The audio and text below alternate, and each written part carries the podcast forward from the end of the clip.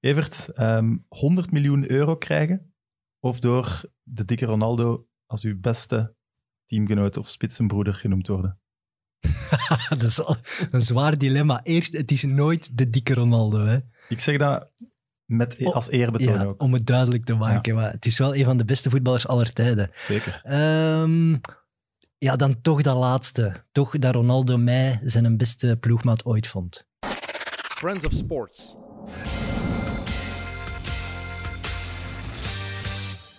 Welkom bij Mit de wekelijkse voetbalpodcast van Friends of Sports. Vandaag in onze studio Luc Nielis. Welkom, Luc. Dankjewel, goedemiddag. Ja, er is bijzonder veel om over te spreken, maar misschien is het het gemakkelijkste om over het, over het laatste avontuur te beginnen. Spitsentrainer in Turkije. Deze week kregen we ineens eh, het bericht dat het, dat het er al op zat. Dat is, dat is wel snel gegaan. Heel snel gegaan. Ja, drie maanden uiteindelijk. Of vier maanden. Ja, een bewuste keuze. Ik- kan er eh, een heel groot verhaal rond vertellen, maar laat me zeggen, er waren drie belangrijke factoren. Dat was één, eh, de corona die er hard ook heeft toegeslaan. Eh, daardoor toch wel veel alleen geweest, eenzaamheid, het gemis van familie, vrienden. Omdat je van het complex pendelde naar mijn hotelkamer, hotelkamer terug naar het complex. Dan twee, sportief uiteraard viel het tegen. Kwalitatief heel slecht team.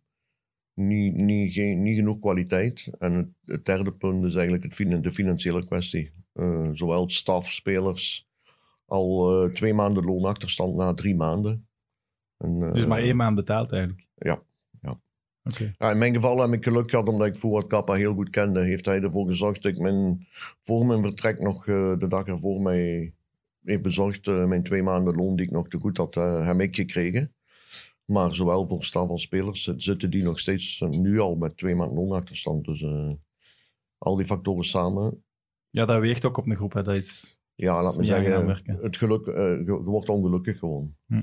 Eenzaam, ongelukkig. En, en als je dan ook al ziet dat de club financieel in de problemen zit, dan denk ik dat, ja, voor mij was ik er klaar mee. Ik denk, als, als er vanuit de club weinig respect is, dan, ik ben er niet gewoon. In Europa is dat niet het geval, gelukkig. En eh, ik denk, in iedere club waar ik heb gewerkt, ben ik altijd correct betaald geweest. En gegeven, maar je krijgt ook terug. En, en, dit, en dat was nu niet het geval. hè. Ik denk ook als het, dat het anders is als er geen corona is en dat die supporters trekken zo'n ploeg of zo'n team er dan misschien nog wel door.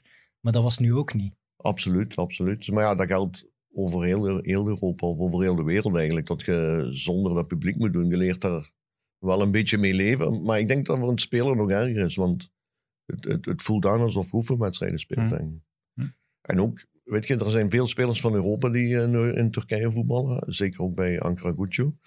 En, en die zijn gewoon om eh, netjes eh, eerste van de maand of einde van de maand betaald te krijgen. En, dan- Ja. ja, en die zeggen nu ook, als we winnen of verliezen, maakt geen Maakt verschil. uit. Ja. Dus als coach is dat ook al eh, een extra gevoelig punt. Om, hoe gaat je je spelers motiveren of wat gaat je daar tegen vertellen? Als, als, ze, als ze toch niet betaald krijgen. Dus die, ik denk als speler gaat het automatisch. eh er zijn money spelers. En, en Mhm. eh, als ze geen geld zien, dan gaan, dan, wel, dan gaan die ook denken van. eh, Money-spelers. Dat is, dat is de Ja, juiste... dat of, dat of ja, money Nee, maar ik players. money players eigenlijk. Ja. een mix. Ja. Ik, ik bedoelde money players, maar ik zei money spelers. Ja, ik vind dat we dat mogen inburgeren. Het is de juiste term ook wel, denk ik. Ja. Als je Ankara Gucu eh, kiest als club, denk ik, als een, als een gerenommeerde buitenlandse speler, dan weet je waarvoor je het doet. Je doet het voor het geld, denk ik. En als het geld dan niet komt, wat, Ja. wat blijft er dan nog over? Ik denk de meeste spelers die naar Turkije gaan, is, is, is, is voor hun financieel een groot verschil met, met hier in Europa. Of buiten, uiteraard, Engeland, eh, Spanje, Italië misschien. Maar ah, ik bedoel, als je van een Belgisch-Nederlandse competitie, zelfs Duitsland, denk ik, naar, naar Turkije gaat, is een groot verschil uiteraard. Hoe communiceerde jij daar? Voor mij in het Engels vooral. Omdat je veel spelers uit Europa hebt, kun je wel met de spelers in het Engels communiceren. Met de staf was dat meestal iedere dag voor de training, als we de training eh, bespraken, dan vertelde Fouad het mij in het Nederlands gewoon. Dus dat, dat was wel eh, nodig ook, omdat de andere assistenten spraken. Buiten de keeperstrainer die een beetje Engels sprak, maar de rest spreekt eigenlijk puur alleen Turks toch wel. Ja, we vragen altijd aan onze fans om, eh, om vragen in te stellen. Een van de vragen was, Deze week waren er heel het veel. waren er de meeste ooit, denk ik. een van de vragen was van eh, Pieter Jan en die vroeg zich af, wat moet een spitsentrainer eigenlijk doen? Want ik snap het, een doelmannentrainer, ja, dat is duidelijk. Een doelman is geen veldspeler. Die Maar, traint zijn keepers en ik Ja. train de, de aanvallers. maar ja, een aanvaller heeft toch... Ja, Het komt dat, toch dat klinkt logisch. hè, Ja, maar het komt, het, het komt hoe moet ik het zeggen? Nee, ik zal- de ik zal het positie van de uitleggen. spits komt meer overeen met een middenvelder dan een doelman met een middenvelder bijvoorbeeld. Dus Laat me zo zeggen, wat ik vooral doe is eh, de competitiewedstrijd van het weekend, die analyseer ik van iedere aanvaller apart. Ik kijk naar hun looplijnen, een positie die ze soms op veld hebben, van waarom staat je nu daar en waarom staat je niet meer open of dergelijke, of, of opengedraaid naar het doel, of de aannames die ze doen, waarom doe je die niet naar de goal toe, in plaats van naar het midden doen ze die niet naar de goal toe, de, de rechte weg, de kortste weg naar het doel. Dus daar, maak ik een compilatie van wat het meest nuttig is. Van alle balcontacten in de wedstrijd kies ik de momenten eruit om te laten zien van kijk, Hm. hier doet je het goed, hier doet je het niet goed. Wa- Wat had je hier wel kunnen doen? Of, of waarom verandert je je eerste gedachte op laatste en daardoor mis je die kans? Van die dingen. Ja. En, en die probeert je te vertalen naar eh, oefeningen in de week op training. Naar aannames naar doel. Goede aanname afwerken. Of op snelheid door naar de doelman. Waarom schiet je die rijk op de doelman bijvoorbeeld? Waarom kijk je niet eerst? Of je hem voorbij kunt dribbelen. Of waarom plaats je hem niet rechts of links? Maar als je niet kijkt, kun je het ook niet zien. Maar ik zou denken dat een, een, een spits van, die al op professioneel niveau zit, veel van die dingen wel gewoon kan. Zo de looplijnen, omdat ja, je speelt toch al... Ik denk het ook niet als er een goede band is met een spitsentrainer waar dat je heel veel vertrouwen in hebt, dat die speler ook gaat groeien. Puur door het feit van, kijk, er is iemand met mij bezig om mij beter te maken. En sowieso gaat dat ook in het hoofd zoiets hebben van, ik ga echt beter worden. Snap je? Ik denk dat het zeggen, vertrouwen is. Het grootste verschil is met een getalenteerde spits, of een hele goede spits en een iets minder, is dat je tegen een getalenteerde spits moet je maar één keer iets zeggen. En die slaat erop. Die, die gaat de volgende keer op het veld de juiste positie aannemen, de juiste looplijn doen. En ook eh, voor het doel zal die veel cooler zijn, Maar zo zijn er zijn. niet veel van dat niveau. Zo zijn er niet veel. Absoluut. Ja.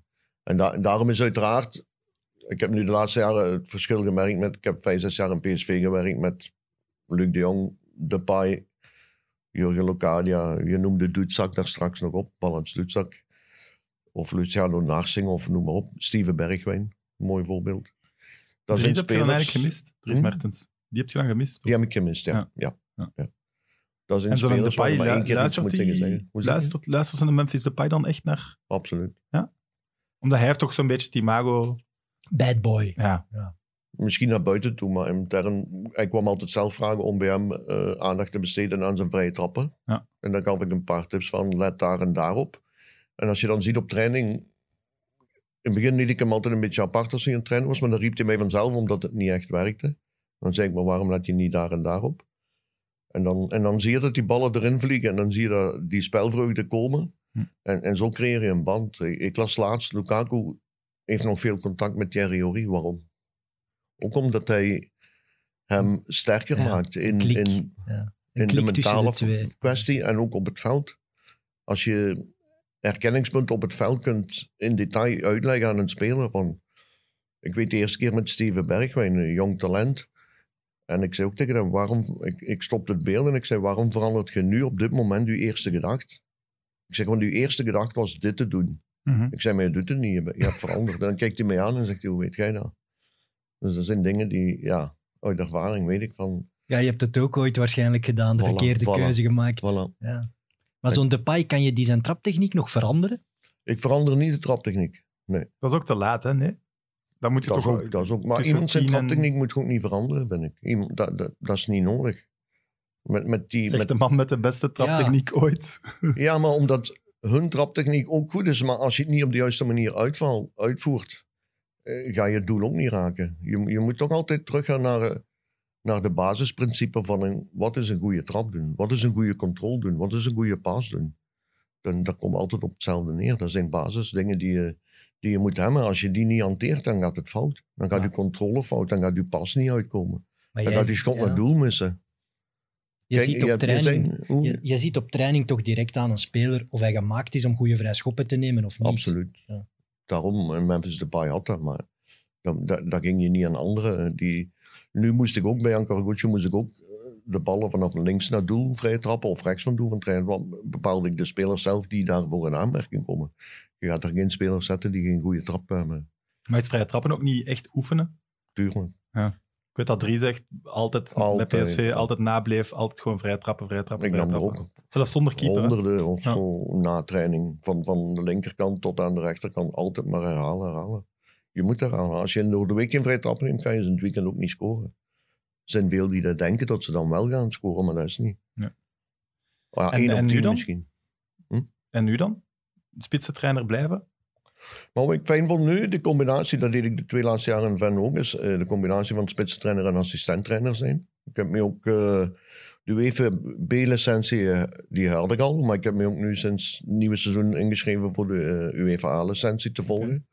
Dan mag je ook officieel op de, op de bank zitten als assistenttrainer. Bij een Oké. UEFA B-licentie mag dat niet. Maar eh, echt hoofdtrainer worden is, is Nee, geen doel. nee, nee. Sowieso niet. Nee. En waarom niet? Dat ik daar geen kwaliteit genoeg voor heb. Dat tactische bedoelt je dan? Of het, Ja. het leiderschap? Of... volledige de leiderschap, tactisch. Het, weet je, sommige dingen zie ik wel, maar hoe sommige trainers eh, bepaalde pionnen kunnen veranderen van de een naar de andere, dat, dat, is- dat heb ik niet in mij. Nee. Eh, dat, ik weet dat. Ik, ik ben daar realistisch in, ja. Spelers die heel goed zelf konden voetballen, hebben het wel vaak moeilijk als trainer om om te gaan met jongens die niet zo goed kunnen voetballen. Is, is dat ook moeilijk bij u? Nee, omdat ik, ik kan me niet inbeelden dat dat verschil zo groot is, moet ik zeggen. Als je ziet, nu als je bij, bij de topclubs kijkt, als je met die jongens kan werken, kan ik me inbeelden dat ik ga denken van, die, die- daar kan ik niet mee werken omdat die minder talent heeft, want anders zitten die niet bij die clubs. Dat, Bij dat is misschien wel bij de mindere clubs, Ja. kijk bij VVV en Anker Goedjoen. Laat me zo zeggen, die, die vijver om in te vissen is beperkt. Die vissen die je daar kan uithalen zijn maar enkele. Terwijl bij, een, bij topclubs werken is natuurlijk dat je met zoveel talenten kan werken, dat je, dat je ook meer mogelijkheden hebt met die jongens. Terwijl de mogelijkheden beperkt worden als je bij een klein club werkt. Dat, kun, dat is het enige verschil. kunt jij normaal naar een, naar een voetbalmatch kijken? Of let je wel altijd op hoe de spits beweegt? Of Je gaat uiteraard meer naar spitsen letten. Hè. Eh, doet je dat dan pijn als je Sowieso. Anderlecht de laatste jaren toch wel ziet sukkelen op de spitspositie? Zonder spits. hè? Ja. Echt, echt een nummer één spits. Maar ik ook, weet je, Anderlecht is nu inderdaad de hotspot om te halen van de laatste jaren. Ik denk dat ze terug wel op de goede weg terug zijn. Zeker, zeker eh, nu. Maar die Mesha is ook niet echt een spits, hè? Of Dat klopt, dat klopt. Ja, nu met die, die hoe noemt hem? De, van City. Mesha? Ja, Ik vind dat wel een goeie. Ja, Dat maar is die... Ja. dat is toch een, Hij werkt, dat is hij toch een werkt type veel, 9. daardoor hè. heb ik het gevoel dat hem soms... Hij kan misschien nog, maar dat komt uit Engeland. Hmm. En, en de opleiding speelt erin een rol. Dat is wat je zegt, hij is meer een, een echte target 9. Die technisch wat minder bagage heeft. En dat valt dan op als je hem eh, echt in detail gaat analyseren. Maar ik bedoel, waarvoor een 9 staat, is doelpunten maken. Ja. Ga, ga Lukaku analyseren. Ik bedoel, iedereen is daar vrij kritisch over geweest de laatste jaren. Ik heb altijd gezegd, de beste Hij spits heeft een van beetje het. Nilis-syndroom, hè? In de, bij de nationale ploeg, dat er toch extra kritisch naar gekeken wordt. En dat ondanks alles Ja, wat hij bereikt... En dat vind ik, ja, maar dat is heel onterecht gewoon. Ja. Heel onterecht. Want kijk eens naar zijn statistieken. ja, dat Waar zot. over? Ja. Wie gaat hem nadoen op die positie? Zou jij Lukaku iets kunnen bijbrengen, denk je? Ik denk vooral... eh, Want het is wel een, totaal de- ander type spits Ja. dan jij waard, hè? ik zal vooral aan hem bijbrengen tot hoe verder hij van het doel gaat spelen, hoe kwetsbaarder hij wordt. En dat doet hem wel soms, hè? Ja, klopt. Dus ik zou zeggen, blijf, hou het geduld om op uw positie waar je het beste in bent. Ik had dat toen ook met Luc de Jong met PSV. Ja. Ik zei ook tegen hem, hoe verder je, dat jij van doel gaat spelen, hoe kwetsbaarder je wordt. En daar balverlies leiden is een tegenaanval, is meestal doelpunt tegen. Ja. Of, of een grote kans tegen. Dus doe waar je goed in bent. En dat is in die 16, rond die 16. Want daar ben je niet te verdedigen. En, en daar is Lukaku niet te verdedigen. Ik, ik denk wel dat hun eh, kwaliteiten complementair zijn. En Lukaku-Nilis, dat is wel een duo dat zou kunnen werken. Hè? Dat is ook, Van Nistelrooy was toch ook wel een type, in de 16 Ook heel sterk. een, een, en jij er rond. de agressieve nummer Ja. 9 die, die op alle ballen ging. En Ja, ik- het was een goede vraag van eh, Michael van Varenberg. Spitsentrainer worden bij Valladolid? Om herenigd te worden met Ronaldo? Is dat iets? ja, zeker. Ja, ja waarom In niet? het zonneke? Maar hij luistert. niet alleen het dus- zonnetje, maar ik denk waar ik vooral het meest van geniet is op het veld staan gewoon nog steeds. Ja. Ronaldo en- is eigenaar van Valladolid. Ja, Ja. die is eigenaar van Valladolid. Ik, kan die ik geniet van op het veld te staan.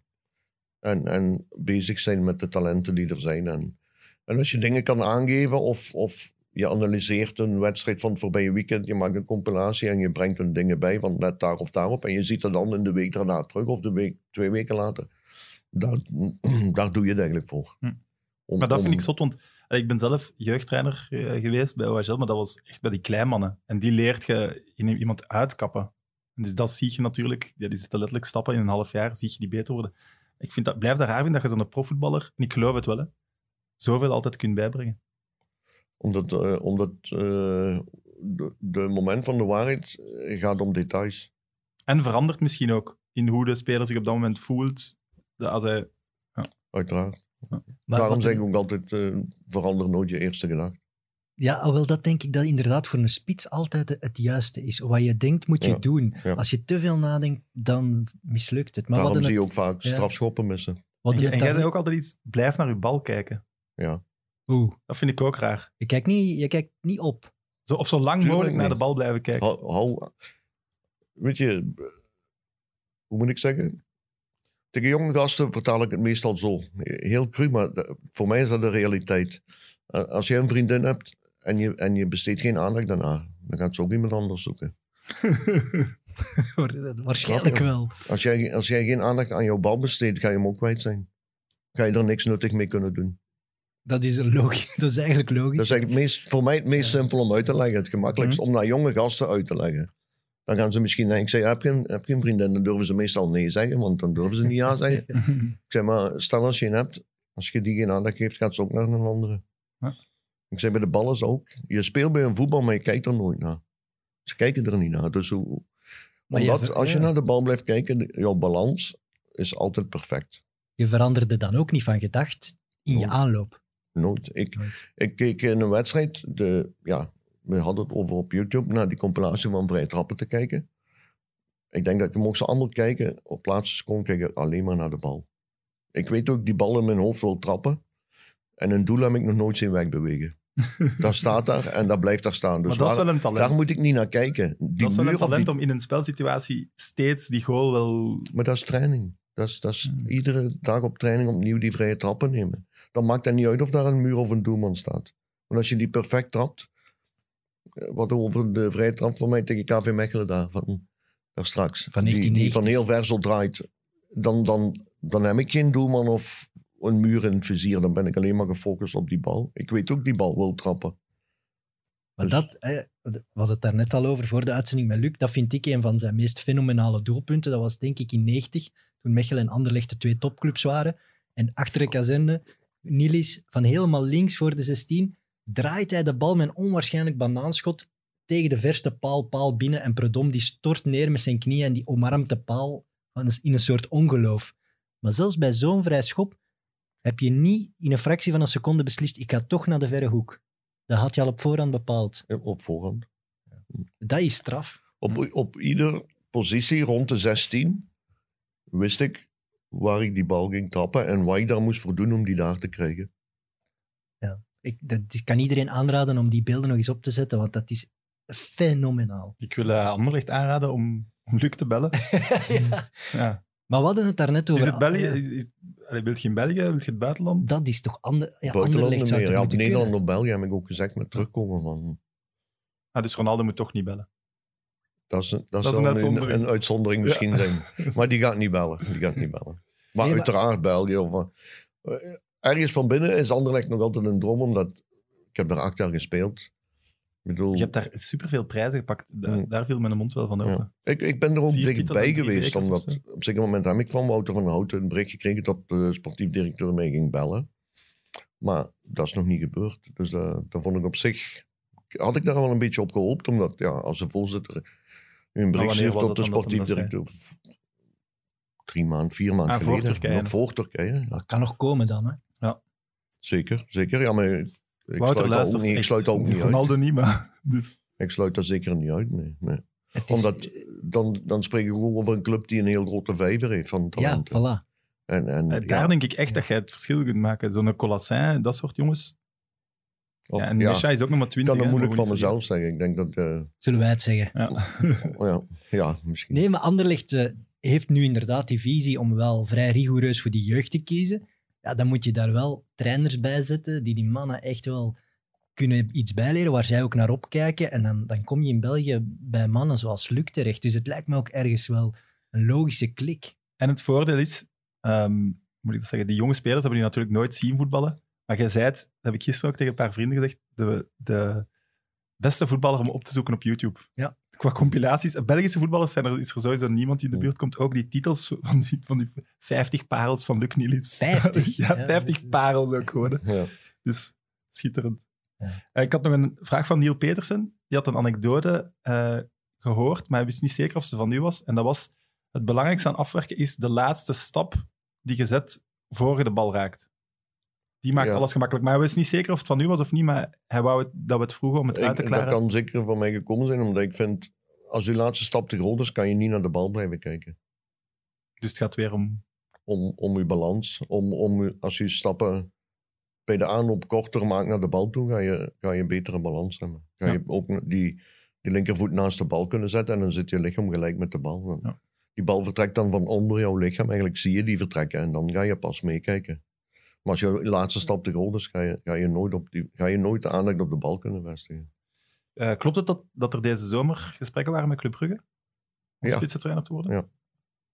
Ja, ik heb contact gehad met eh, Vincent daarmee- daarover. En ik moet zeggen, Vincent is heel correct geweest daarmee. Die zei, ik kom daar eh, nog deze week bij jou op terug. Hij heeft dat met de technische staf besproken, met Philippe Camonzo. Maar hij heeft dan ook heel correct teruggebeld. En hij zei, Het, vol. het zal niet, ja, het is nu, de, staf is compleet, maar dat wil niet zeggen dat dat voor de toekomst eh, niet mogelijk is. Maar hij heeft mij wel daar heel correct over eh, geïnformeerd eigenlijk, ja. Dat zou me toch pijn in het hart doen, eigenlijk. Ja, maar het toont wel dat, dat Club Brugge er ook mee bezig is. hè. Zeker.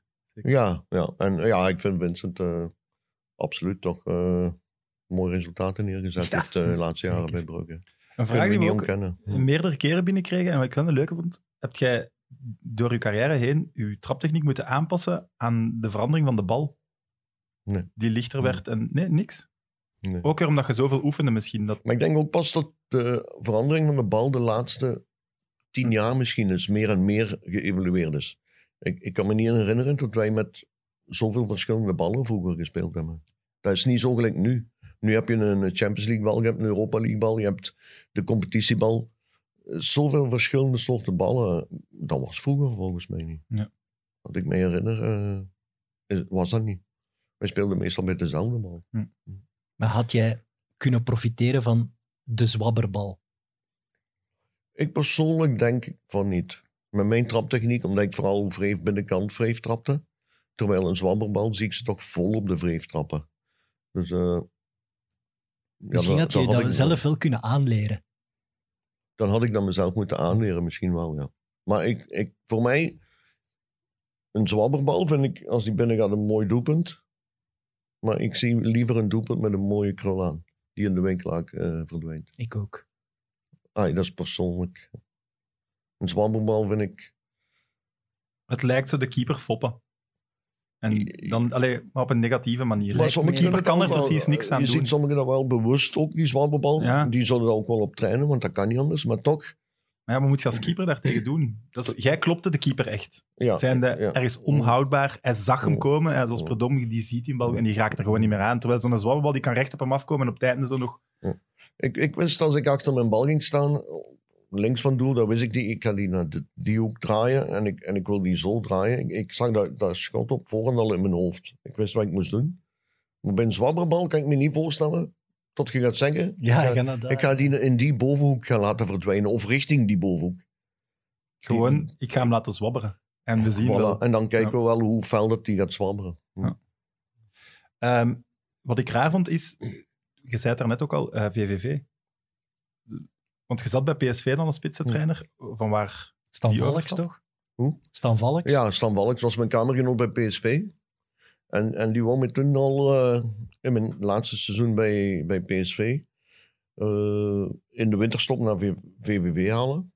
En omdat je wist dat ik niet meer zo gelukkig was op, het moment, eh, op dat moment bij PSV gelijk het daar toen liep voor mij. En dan eh, heb ik toen met Marcel Brands, die toen eh, sportief directeur was, eh, met hem eh, open gesprek over gehad. En hij wou mij toen niet laten gaan. Hij zei, op het einde van het seizoen zullen we het opnieuw bekijken. En dan in een half jaar zijn er eigenlijk heel veel dingen fout gelopen bij PSV. En dan op het einde van het seizoen heb ik hem eigenlijk alles op een rijtje nog eens bij Marcel Brands gezeten. En eh, hij begreep mijn situatie en heeft dan ook akkoord gegaan met... eh, want hij had pas eigenlijk de optie gelicht op, op nog een jaar bij voor mij. Maar Mhm. hij heeft mij dan toch laten gaan. Ja, ja. Oké. Maar Stan Valks is een van uw beste voetbalvrienden. Ja, ja. Dus je hebt, doet dat ook voor hem. Ja, en ook omdat ik mij op, op die moment bij PSV een beetje eh, in, een, in een uitgesloten situatie bevond. En eh, daar, daar voelde ik mij niet happy mee. Plus eh, de druppel wat eigenlijk voor mij de emmer deed overlopen was het seizoen dat ik vertrok speelden we kampioen. En, en bij de huldiging ver, vergaten ze mij op de lijst te zetten om de medaille op het podium af te halen. Oei. Terwijl er spelers op stonden die ik zelden op training zag, die die trainingen volgden. En die stonden wel erop. En toen heb ik gezegd, ja, was ook Dan- wel om dan is mijn- PSV's. Dat is heel raar voor om PSV. PSV's, ja. absoluut. En, en daarom was ik er ook door geraakt. Omdat dat had ik zeker niet op die moment verwacht. Want ik stond op dat moment ook op het hoofdveld. Dat was de huldiging. En ik weet, Eddie Pepels, de masseur, die ook Ja. masseur binnen De Nationaal vriend van iedereen die bij PSV of iets met PSV te maken heeft. Ik heb hem bij PSV gebracht. Ja? Ja. Oké. Ik zal zelfs vertellen hoe dat is gegaan. Is Maar goed. toen op dat moment op het veld zei ik tegen Eddie, ik zeg ga eens bij Mark van de Heuvel, de teambegeleider toen, kijken op de lijst. Want ik heb een gevoel dat mijn naam niet op die lijst staat. Ik weet niet hoe dat kwam, maar ik had dat gevoel echt. En hij ging kijken en ik kwam naar me toe en zei, sorry Luc, zeg je, maar je staat er echt niet op. Dus ik ben toen eh, in mijn, in mijn pak van PSV naar, naar binnen gewandeld. En eh, dan, dan, ben ik daar, dan ben ik daar Ja. vertrokken. Maar Mart van den Heuvel kent u toch heel goed? Heel goed. Dat was de teambegeleider ook. eh. dus en ik stond gewoon niet op die lijst. Eh, De reden waarom, weet ik, weet ik niet. Maar ik ben toen ook... eh, Kan toeval. toen was kan voor mij duidelijk zijn, ja. Toen was voor mij duidelijk. Er zijn wel eh, geniale beelden eh, van toen uw tijd bij VVV speelde je ook in een vriendenploegje van Stan Valks. FC uh, Arsen. Hm. Arsen. DEV Arsen. En Dat is een- eh, die spelen op laagste niveau op zondagochtend. Hoe kut moet dat zijn als keeper? Want je moet tegen Luc niet spelen. Meestal, me zeggen, ze meestal dat fijn ploegen, want dat is meestal een gemoedelijke basis. Maar soms heb je wel af en toe een jonger team tegen. Tot, tot, je dan, tot ze dan zo één jonge gast op mij zetten, weet je. En ja, dan, dan ga ik gewoon op de bank zitten. Dan ga ik, dan ga ik zeggen, je mag mee bij mij op de bank komen zitten. Maar ik zeg, ik ga op de bank zitten. Weet je, dan, wil- dan wil hij zo gezegd zeggen, ik heb Luc Niels uit de wedstrijd gehouden. Ja, logisch, als je, als je 18 bent, ik, ik ben er 53. eh, die kan ik niet, natuurlijk niet uit de wedstrijd lopen, hè. Maar er is een anekdote dat jij dat ook wel heel vaak, of bijna elke wedstrijd, van aan de aftrap probeerde te scoren. Ja, als het doen ja, dat deed ik wel, ja. ja. En, lukte dat? Af en toe wel, ja. ja. Dat is wel een goed begin van de Ja. wedstrijd. Zo boem. Ah, die, Mm. En scoorde je ja, weet daar je, op dat niveau soms keepers die niet opletten of zo, Ja. weet je, of, ja, je kent dat. En dan, ja. Scoorde je daar veel op dat niveau? Veel. Dat was niet iedere week natuurlijk, hè. Dus Maar het is wel meer als af en- prof dus. Het is, het is wel af en toe gebeurd, ja. ja. En wat is veel? Op een seizoen, laat me zeggen, vier keer of zo. Oh ja, oké. Dat gaat wel. Dat valt, Valt mee. mee. Dat valt mee. Ja, op den duur wist iedereen dat ook wel, hè. Ja. Dat ging snel rond natuurlijk. Ja, ik heb het al gezegd, de- onze, onze jongste kijkers die gaan hem nooit hebben zien, zien voetballen. Wat voor voetballer was hij eigenlijk?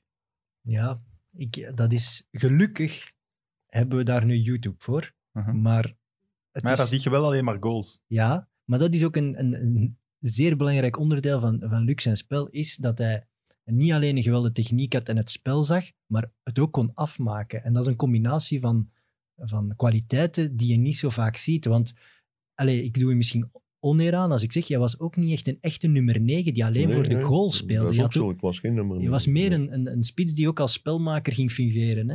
En, Ik- ik was ook geen nummer 10. verdelen. Ik was ook geen nummer Nee, 10. het was iets raar. Voor mij Mark de Grijze was een nummer Ja. 10. En Johnny Bosman in de tijd was een nummer 9. En, en ik, ik was een 9,5 eigenlijk. Als je een profielschets moet maken, hè, dan, dan is het bij Luc niet zo gemakkelijk. Alleen moet je weten dat een voorlijn waarin Luc inzat sowieso veel beter ging renderen dan een voorlijn waar- waarin hij niet inzat. En Atemos eh, zegt dat ook heel mooi. Dat, ze hadden een prachtige voorlijn. Oliveira, Mark van der Linden, De Grijze. Maar als Nilis er niet bij was, dan konden die plots niet zoveel niet meer. Meestal was het. Oliveira, Mark de Grijze en ik eigenlijk. Een beetje die drie ook zo. Die- Als Maar- je dat nu als voorlijn hebt en je kijkt naar het Anderlecht van nu bijvoorbeeld, zoals we daarnet zeiden, dan zie je het verschil enorm. Zij hadden eigenlijk vier klasse spitsen. hè. Oké, Oliveira was nog heel jong, eh, maar toch, dat waren het vier verschil dat er toen zat de bank ook vol met de grootste talenten dat Anderlecht toen had, die nu gewoon het moeten brengen. Hè. Als je altijd die wedstrijdfeest kijkt, je ziet legendes op het veld staan en dan de aanstormende talenten die later om- legendes dat is ook worden misschien ook op de bank. omdat de, de, de, de betere spelers, de talentvollere spelers, die vertrekken nu sneller naar het buitenland. Terwijl vroeger was, die- waren die gemakkelijker in België te houden. Ja. Ik, ik herinner mij, hoe lang heeft Frankie Verhouteren voor Anderlecht gespeeld? Hm. Eh, en zo Schifo was misschien een uitzondering die naar Italië ging, omdat hij zo goed was. Maar voor de rest, de meeste waren toch wel een George Groen, Henrik Andersen, eh Aidur Gudjonsson en zo. Dat waren toch spelers die...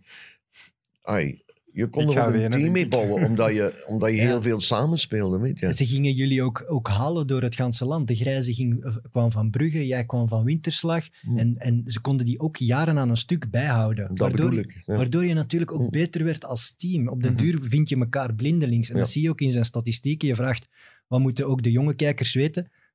Fun fact dat ik gisteren ontdekte, van het 87 tot en met het jaar 2000 heb je elk jaar dubbele cijfers gehaald qua aantal doelpunten.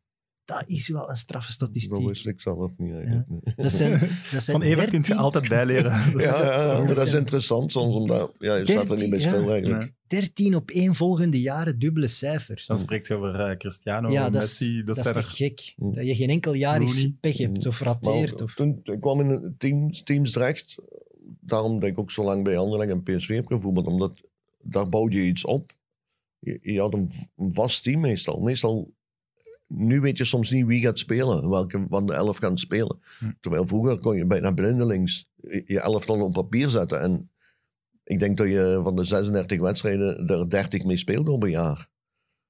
Dat is nu uitzonderlijk, dat Ja. gebeurt nu niet meer. Buiten, ik denk, daarom dat je ook in de Champions League altijd dezelfde teams ziet terugkomen, omdat je moet eens kijken hoe, hoe lang die spelers ook samenspelen. Dat is het Real dat drie keer de Champions League won. Dat was bijna drie keer dezelfde ploegen. Ik bedoel, die zijn zo op elkaar, die, die kennen elkaar van buiten. Bayern, noem maar op. Hm. Die kunnen ook hun spelers houden, die kunnen hun kwaliteit Hm. houden, die kunnen rondom een extra kwaliteit een elftal bouwen. En, en dat is moeilijker in België of Maar dat, Nederland. is, dat kan niet meer. Hè.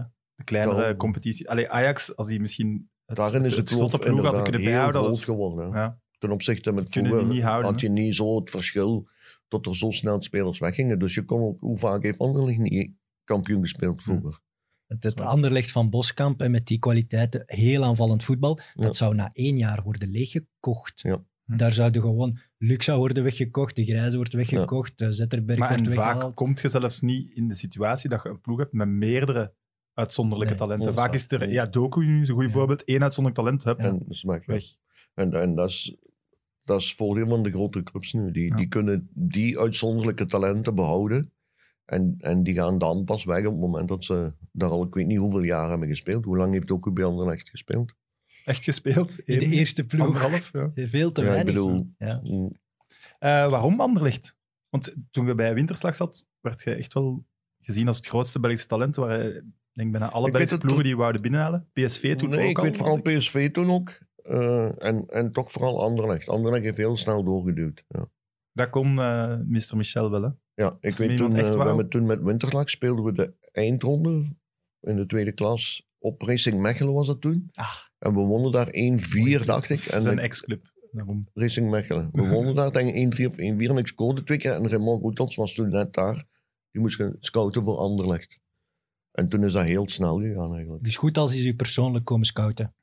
Ja, en die heeft toen eh, met Constant van der Stok, denk ik, eh, gezegd van die moet je gaan halen. En toen is dat heel snel gegaan. Ja, oké, als Remo Goethals tegen mij komt zeggen je moet die speler gaan halen, ik zou het ook doen. Hè. Die Ja. man die kende veel, die wist Ja, zo is het bij mij gegaan toen. Dus eh, Ja. ja. fantastisch. Hè. Hm.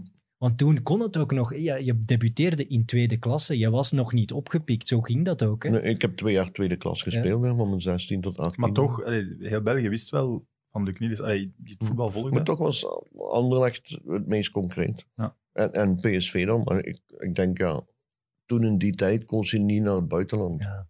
Maar terwijl, want dat staat op Wikipedia, vond ik wel grappig. PSV was eigenlijk wel dichter bij je huis dan. Absoluut. Het was wel buitenland, maar het was wel Ja, dichterbij. dat is veel dichterbij. Ja. Dat, is ook, dat is ook veel dichterbij. Hè. Ja. Maar Brussel is ook een beetje het buitenland soms. Hè? Dat is ook waar. Ja, want toen, ja, in die tijd, ik denk dat we toen al bijna anderhalf uur reden van Zonnevan naar Anderlecht. Maar ja, toen is ook het gekende busje gekomen en zo, hè, met Ja, de De Limburgers. Limburgers. Ja. Wie zat Ja. er allemaal in? Eh, Peter Maas, eh Mark Emmers, Philippe Haagdoren, ikzelf. Zij pikte mij in Zonnevan dan op. Boffin Boffin die kwam daar, kwam eh, je had voorbij Diest uh, Isarella, afslag Ja. Tieltwingen. Ja. Daar kwam eh Alain van Bakel, Boffin en Versavel naartoe. Serieus. En we zaten met acht in zo'n busje. Hè. Als, als dat de busje dan een ongeluk de heeft, dan een Ja, dat was fenomenaal. Mooiste tijd die ik ooit heb gehad, moet ik zeggen. Ja? Ja. dat Toch was- Anderlecht dan? Ja, buiten het veld. Ja. Omdat in Anderlecht was, moesten we eigenlijk een ander masker opzetten. Want daar konden we eigenlijk nooit ons eigen gezicht laten zien. Dat kon een PSV wel, want een PSV is dat anders. In Anderlecht was dat niet natuurlijk. Maar eens als we in dat busje en de muziek ging volle bak, want Peter Maas was meestal de chauffeur. En Ja. DJ? Hm? Was hij ook de man van de ja, hij muziek? regelde alles. Ja. Ook waar we naartoe, zingen, naartoe gingen en al. Of die in Leuven stopte, iedereen moest mee, want hij reed gewoon met de bus Leuven in. ja, Dus als hij langs een café wou passeren, moest iedereen mee. iedereen mee. Maar dat was toen zo. Dan, dan, ja. Ook nog een grappig verhaal. Toen we, toen we net aankwamen bij Anderlecht, of toch in het begin, had je dienstplicht eigenlijk. Ja. Dus je Hier in hè? Ah, Putty, voilà. Putty. je bent met de nationale ploeg van het leger naar het WK in Italië moeten. Ja. Zaten daar bekende shotters nog bij? Mm, ik weet, eh dat was een van Diest, Eddie Deprieux of zo. En Evert, Dirk? Gillet, Dirk Gillet van Boom. Ik weet niet of je die kent. Speelt Ja, ook tweede maar- klas. Ja, dat is in die tijd. Ik kan alleen maar opnoemen. Die Nee, normaal kent Evert die ook allemaal. Dus. Dat gaat, dat gaat vers, hè. Dirk Gillet was toen kapitein van FC Boom, dat weet ik nog. En heb je iets gepresteerd op dat WK? Ja, we zijn daar derde geëindigd geweest. Ja. In Italië, kort bij ah, de schreef het door Pisa. Arezzo, denk ik, Ja. of zo was dat. Maar ik vind dat wel raar, want je tekent je eerste profcontract, je bent prof en je krijgt geen uitzondering op de, op de dienst. Maar ik ben in eh Oud-Heverlee, in Leuven, eh, mijn eerste zes weken gaan doen. Ik had eigenlijk de voorbereiding begonnen in Anderlecht ook op begin juli. En ik moest 1 juli mijn opleiding gaan doen. Dus ik mocht eigenlijk toen niet... De eerste zes weken heb ik eigenlijk niet mee kunnen doen. Want de eerste zes weken was verplicht om te volgen. Want dan weet ik nog, dan heb ik nog eh, opleiding voor chauffeur voor de jeep eh, gevolgd of zo. Hm. Want ze zei, als je moet schieten, moet je slecht schieten, want anders moet je mee op veldterrein en zo gaan schieten. dus ik schoot en die, eh, in één keer die, weet ik veel, die kolonel of zo, die zei, Niels, stoppen. Ik mocht gelijk niet meer doorschieten, omdat ik alles miste. Niels Dus die kan de- schieten. Ja, ja. en toen ben ik voor mijn eh, jeepopleiding gaan doen, voor de jeep te rijden. Maar, en toen ben ik na die zes weken in Putty gekomen. En in het begin was het ook lastig, want ik moest... Iedere voormiddag moest ik aanwezig zijn. Ah, iedere ochtend om zes uur op appel staan. En dan eh, tot twee uur of tot, tot één uur. En dan mocht ik, eigenlijk was ik vrij om te gaan trainen. Maar in Anderlecht trainden ze altijd voormiddag, soms wel namiddag, maar, maar niet zoveel. Dus ik naar die baas gegaan en gevraagd, mag ik niet de namiddag komen doen mijn dienst en voormiddag gaan trainen, omdat ze voormiddags trainen altijd. En dat heeft hij dan toegestaan. En dan moest ik ook maar alleen van twee tot vijf in de namiddag op, op, op zo'n broken gaan zitten. Dus toen viel dat wel mee. Ja. Voetballer van Anderlecht zijn heeft toch voordelen dan. Absoluut. Ja. Maar uiteindelijk was mijn dienstplicht liep af eh, einde mei. En de, het WK was in de selectie voor mij heeft eigenlijk dat WK bereikt. En dat ging door in, in juni. En ik, eh, mijn legerdienst liep af einde mei. En toen hebben ze mij gevraagd of ik niet een maand extra wou doen. Ja. Kijk, ja, Was als, je dat Anderlecht toen? Ja, dat was toch de maand vakantie eigenlijk. Hè. Ah. als je een juni, specifieke kwaliteit Maar dat zou nu niet meer mogen, denk ik. Maar, Toen, ja. mocht, toen Ja. kon dat wel, ja. En Want Maar- dan ben ik, zijn we eerst drie weken naar naar het Afrika. WK geweest. En dan de vrijdag of de zaterdag teruggekomen. Zondag vrij. En dus maandag zijn we toen voor drie weken naar Afrika vertrokken. Maar dat was niet meer nodig eigenlijk. Het WK was, Dat was- afgerond. Ja, dat was gewoon... Dat, ging, ah, daarna nog. Eén week zijn we toen naar... Eerste was in mm, Gabon, denk ik, geweest. Dan naar eh Zaire. En dan naar Rwanda. Want je kwam wel ziek terug van Afrika. Ja. Het is dus nooit gevonden geweest wat ik had. Wat ik had. Nooit gevonden? En ik, ik was in Hasselt. En dan heeft eh, Verschuren mij van Hasselt naar het uh, Tropisch ziekenhuis in Antwerpen gebracht. En nooit echt gevonden wat ik had. Maar, maar ik denk vooral dat ik eh, ziek, griep heb, eh, ziek ben geworden en een, en een heel felle zonnesteek heb opgelopen, denk ik nog altijd. En daarvan die combinatie. Ik ging wel een, een foute opmerking maken. Toch een WK in Italië dat je wel hebt gespeeld. Ja, nee, dat is geen fout op, maar dat is de realiteit. Nu kan ik dat wel hebben nog. Dat, ik, ik hoopte daar op der- 30 jaar na datum nu, dat dat nu kan ik daar realistisch op antwoorden. Maar, Ja, want je zei, je maar zei toen niet. Toen Anderlecht niet. speelde altijd met dezelfde elf, maar voor die finale van de Europabeker Ja. Ja. zat Chinees op de bank. Hm. En qua tongen zeggen dat je daardoor het WK gemist hebt. Dat is ook zo. hè, Want eh Guy Thijs heeft ook gezegd, iemand die op de bank zit op een finale kan ik niet mee naar het WK nemen. Dat was de reden. Maar ja, Jean-François de Saar was het zeker die, die meeging. Die had het ook niet gedaan, hè? Een finale van de Europa Cup gespeeld. Was een communistisch verhaal misschien. Hè? Was uh, Franstalig en dan was de mix, denk ik. eh, ik weet het niet. Maar ik had al de voorbereidingswedstrijden naar het WK toe, was ik er ook altijd bij. Dus Ja. was voor mij één grote verrassing natuurlijk. En, en ik kreeg het op de radio te horen, dat was nog het ergste. Thijs heeft u niet gebeld. Is, da- is daar dan de slechte relatie met de Rode Duivels begonnen? Dat weet ik niet. Dat was, dat was nog voordat het echt begon eigenlijk. Hè? Hm. Maar ik vind ook wel, eh, los van dat WK 90, die slechte relatie met de Rode Duivels, dat wordt toch veel overdreven. Want op zich ben je wel belangrijk geweest ook. En heb je al die Interlands wel gespeeld. Eh, Ja, maar Dus- ik, ik begrijp, ja, maar ergens kan ik ook. begrijpen, omdat het is, het is minder als een ploegverband. Ik ben maar op enkele momenten belangrijk kunnen zijn in de play-offs toen tegen, Tegen Ierland. Ierland, Heen en, en de terugwedstrijd. Maar daarbuiten inderdaad weinig, weinig. Maar ook omdat, ik kan er wel eh, makkelijk verklaren, omdat eh, ik heb nog eh, toevallig van het laatste nieuws dat gisteren iemand mij gebeld over Batshuayi. En omdat hij juist omgekeerd is. Hij speelt niet bij zijn club. En, en bij de national team is hij heel belangrijk. Maar ik denk vooral het feit is dat Batshuayi clubs heeft gehad waarin het hij niet basis is. En ook clubs die, die niet dominant voetbal spelen. En hij is een speler, hoe, hoger hij op veld kan spelen, hoe beter dat hij is. En ik had dat ook. Ik heb bij Anderlecht geluk gehad. En we speelden altijd op de helft van de tegenstander. Bij PSV speelde ik altijd op de helft van de tegenstander. Maar bij de Rode Duivels speelden we meestal op onze eigen helft. En, en dan kan alle, alle mijn kwaliteiten komen niet tot uiting gewoon. Ik, ik was iemand die rond de 16 goed, heel goed was. Maar hoe verder ik van doel ging spelen, hoe, hoe minder belangrijk ik voor een team kon zijn. En dat was zo bij de Rode Duivels. Dat waren maar momenten dat ik belangrijk kon zijn, omdat wij heel weinig wedstrijden hebben gespeeld. eh, met, ik heb nooit geweten bij Rode Duivels dat wij een wedstrijd zijn gestart om de tegenstander onder, met, onder pressing te zetten. Dat heb ik nooit gehoord voor een coach. tegen Zambia. Die 9-0. Ja, toen heb ik ook kunnen scoren. dat was mijn eerste, denk ik.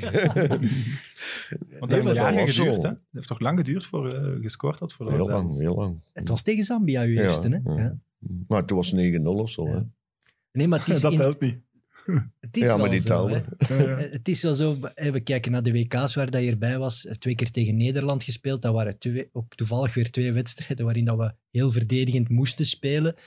Ja, daar kom je niet veel voor aan ik weet de natuurlijk. WK, de eerste in, eh, tegen Nederland, 0-0. Eh, heb ik 90 minuten achter, mijn, eh, achter de flankback moeten lopen. Ik ben bijna niet in de goal geweest, weet, wat ik me herinner. Want het straffen is bijvoorbeeld, eh 95 was wel een geweldig jaar voor u. Dus dat was wel een periode, ook met WK 94, dat je wel op top van je kunnen was. Hm.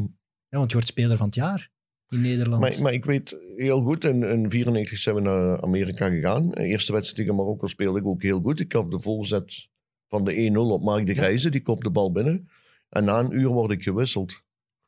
En toen heb ik toch mijn, mijn truitje uitgedaan en, en naar Van Imps gegooid, uit woede. En de, en de wedstrijd op tegen Nederland zat ik op de bank. Van Imst die toch wel... En toen speelden ze heel Ja. goed, want, of heel goed, toen was Predom fenomenaal. ja, we die 1-0. wonnen. We wonnen. We wonnen 1-0. Maar de hele wedstrijd zat ik op de bank. Dus logisch, de volgende wedstrijd bleef ik op de bank. Gewoon omdat ik mijn frustratie had geuit na mijn wissel van de eerste wedstrijd. En ja, Nochtans, Van Imst zou wel in het hoofd van een Anderlecht-speler moeten kunnen kruipen. Hè.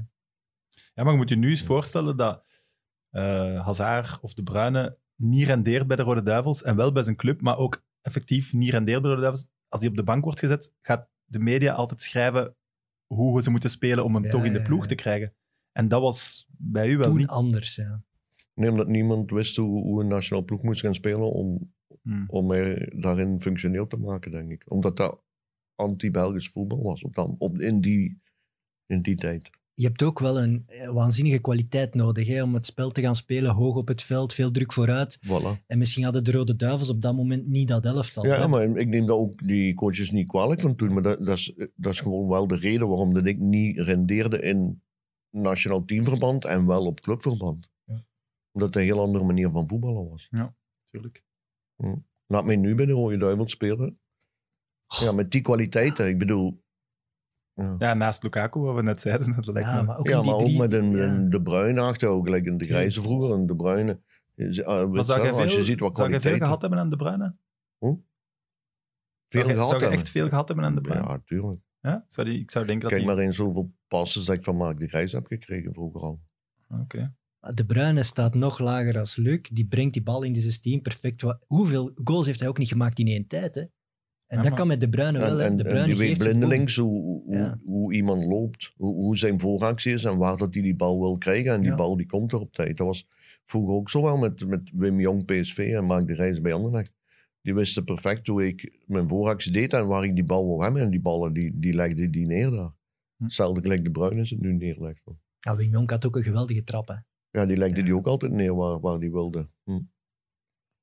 En naast de Rode Duivels was het ook de- de- tijdens uw actieve carrière dan, denk ik, de media, die niet de erkenning gaf die de grote Luc Niels toch, toch verdient. Het is iets wat je altijd leest, ook geen gouden schoen gewonnen. Ja, oké, maar dan wordt inderdaad altijd gerefereerd naar die gouden schoen. Maar los daarvan zie ik wel al die ex-ploegmaats, al uw ex-coaches, allemaal topcoaches, wel gewoon allemaal zeggen wat een dat is niet de fenomenale media, speler. Ja, oké. Nee, omdat, ja. ik, omdat ik Nee, zelf mij ook nooit... eh, hoe moet ik zeggen? Ik heb ook altijd gezegd, als ik, als ik inspanning moet doen naar de media toe om een gouden schoen te winnen, zal ik hem nooit winnen. Wat ook is gebeurd. Maar had jij, jij had toch ook geen slechte relatie met de media? Hm. Nee, maar ik had geen relatie met de media. ja, dat helpt ook dus niet als je is hij niet goed of is hij slecht? Eh, ik had geen relatie met de media. Omdat ik, omdat ik daar... Ik was iemand die dat helemaal niet belangrijk vond. Mark de Grijs was daar veel slimmer in. Die was daar veel verder in. Die zei ook vaak tegen mij, maar gaat een keer eten met die van het laatste nieuws. Ga een keer daarmee eten. Geef een beetje aandacht aan die mensen en je zult zien. Maar ik vond dat echt niet belangrijk. Ik zei, mij moeten ze maar een gouden schoen geven op mijn prestaties. Daar moeten ze mij maar be- op beoordelen. Als ik eh, via via een gouden schoen kan winnen om mijn relatie met die en die aan te sterken. Doordat ik dan de schoen kan winnen. Ik zei, dan moet ik hem nee. nooit hebben. Ja. Zou dat Mark nu nog zo zijn? ja, Mark de Grijze wint hem wel. Eh, misschien, Maar die deed ook slim. eh, En was dat de gouden schoen die, waar jij het meeste recht op had misschien? Als ik eerlijk moet ah, niet, ik, ik ben niet iemand die pretentieus wil zijn, maar ik denk dat ik hem bij achter Anderlecht misschien wel twee keer had zeker verdiend. Ja. Maar, maar ja, Nee, dat heeft ook ja. wel aan mijn eigen te danken dat ik hem niet heb gehad. Dat ik, hem, dat, ik hem, dat ik hem verdiende, maar niet heb gekregen. Omdat mijn relatie, inderdaad, dat was Mhm. vroeger heel belangrijk gewoon. maar het is ook... Ja, Is dat nu minder? Want ik heb het gevoel dat de media nu wel nog altijd heel veel macht heeft. Tuurlijk, zeker bij de Gouden Ja, die Schoen. stemmen mee. Ja. Ja. Ja, ja, maar zelfs los van de gouden schoen. Ik zit zo een ander lichtgroepje, daar ging het nu over de beoordeling van de match eh, tegen Gent. We hadden twee spelers een zes en de rest een vijf en zelfs één en een vier en zo. Dat, leeft wel bij de fans dat de media extra streng is en zo. Dus Ja, dat speelde een rol, denk ik, omdat zij ook mee, mee stemmen, uiteraard. En mensen van de voetbalbond en dan, omdat Ploeg, de relatie was niet top. En, maar voor mij was dat, voelde, ik voelde dat ook niet aan als belangrijk. Ik ben wel een paar keer daar heel ontgoocheld door geweest, uiteraard. Maar de grootste kick heb ik gehaald in mijn eerste jaar Nederland. Dus ja, want je, allee, je zegt dat niet, niet veel deed, maar als je dan van Johan Cruijff de Daarom, trofee dus, krijgt ja. van ja, de tegenhanger in Nederland van de gouden schoen, dan Zeker, haalde je dat wel aan in je zeker in het jaar dat Ajax met de Champions League, daar was, ik geloof, eh, een van de gebroeders de Boer was eh, Ronald de Boer bij de en- laureaten en Overmars. Overmars, ja. Dus ik had nooit gedacht die te winnen. En in Nederland stemmen alleen de spelers en de, en de coaches. En, en die kozen mij eruit, dus dat was een totaal verrassing. Maar aan de andere kant was dat natuurlijk een, een heel mooi picuur naar België toe. Maar dat was wel een emotioneel moment. Hè? Je Vooral ziet dat ook aan die speech. Omdat ik totaal niet had, ik had het totaal niet zien aankomen. Ik, ik was al vaker, ik was al heel blij om bij de laureaten te zijn, omdat ja, Ajax won Champions League. Met twee spelers van Ajax. Misschien was dat mijn voordeel, omdat die, met, die twee nemen ook veel stemmen dan elkaar. Ja, ja.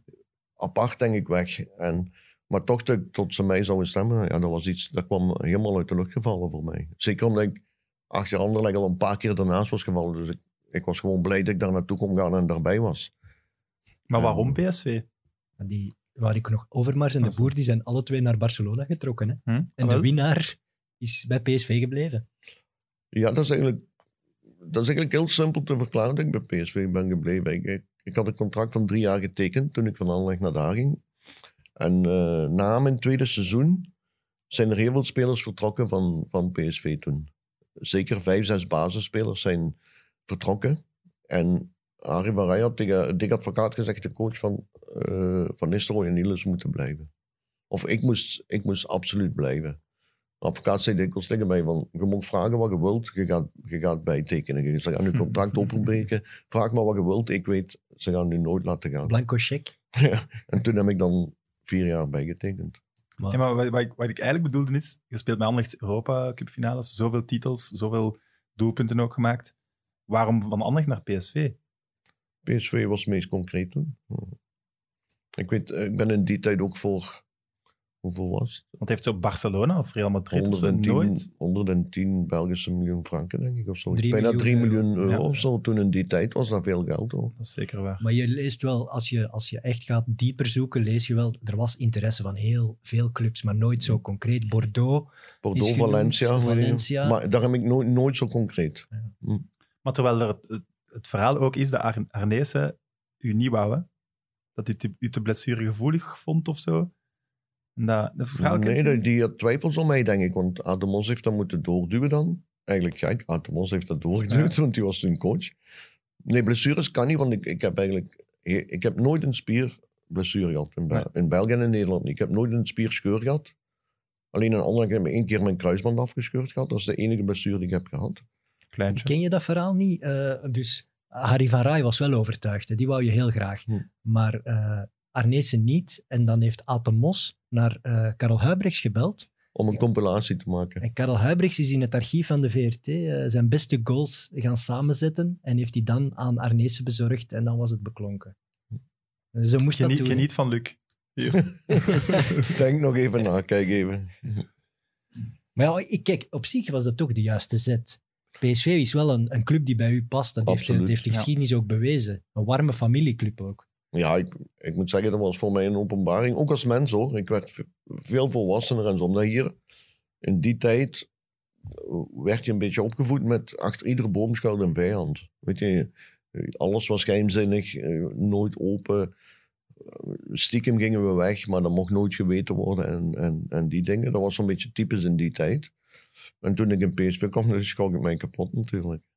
Daar was alles open en bloot. Open en bloot. Ja. De, de, de jonge talenten die daarop kwamen. Ik weet nog, een- een Bjorn van de Doelen, Tommy van der Leegte en die jonge gasten, die trokken daar hun mond open. Nee, die, ik zei, "Mo, in België was dat ondenkbaar. Als je een broekje misschien niet op de massagetafel gaan liggen. Of, ik denk, een Frankie Verkouten en dergelijke, die schopt u gewoon er vanaf.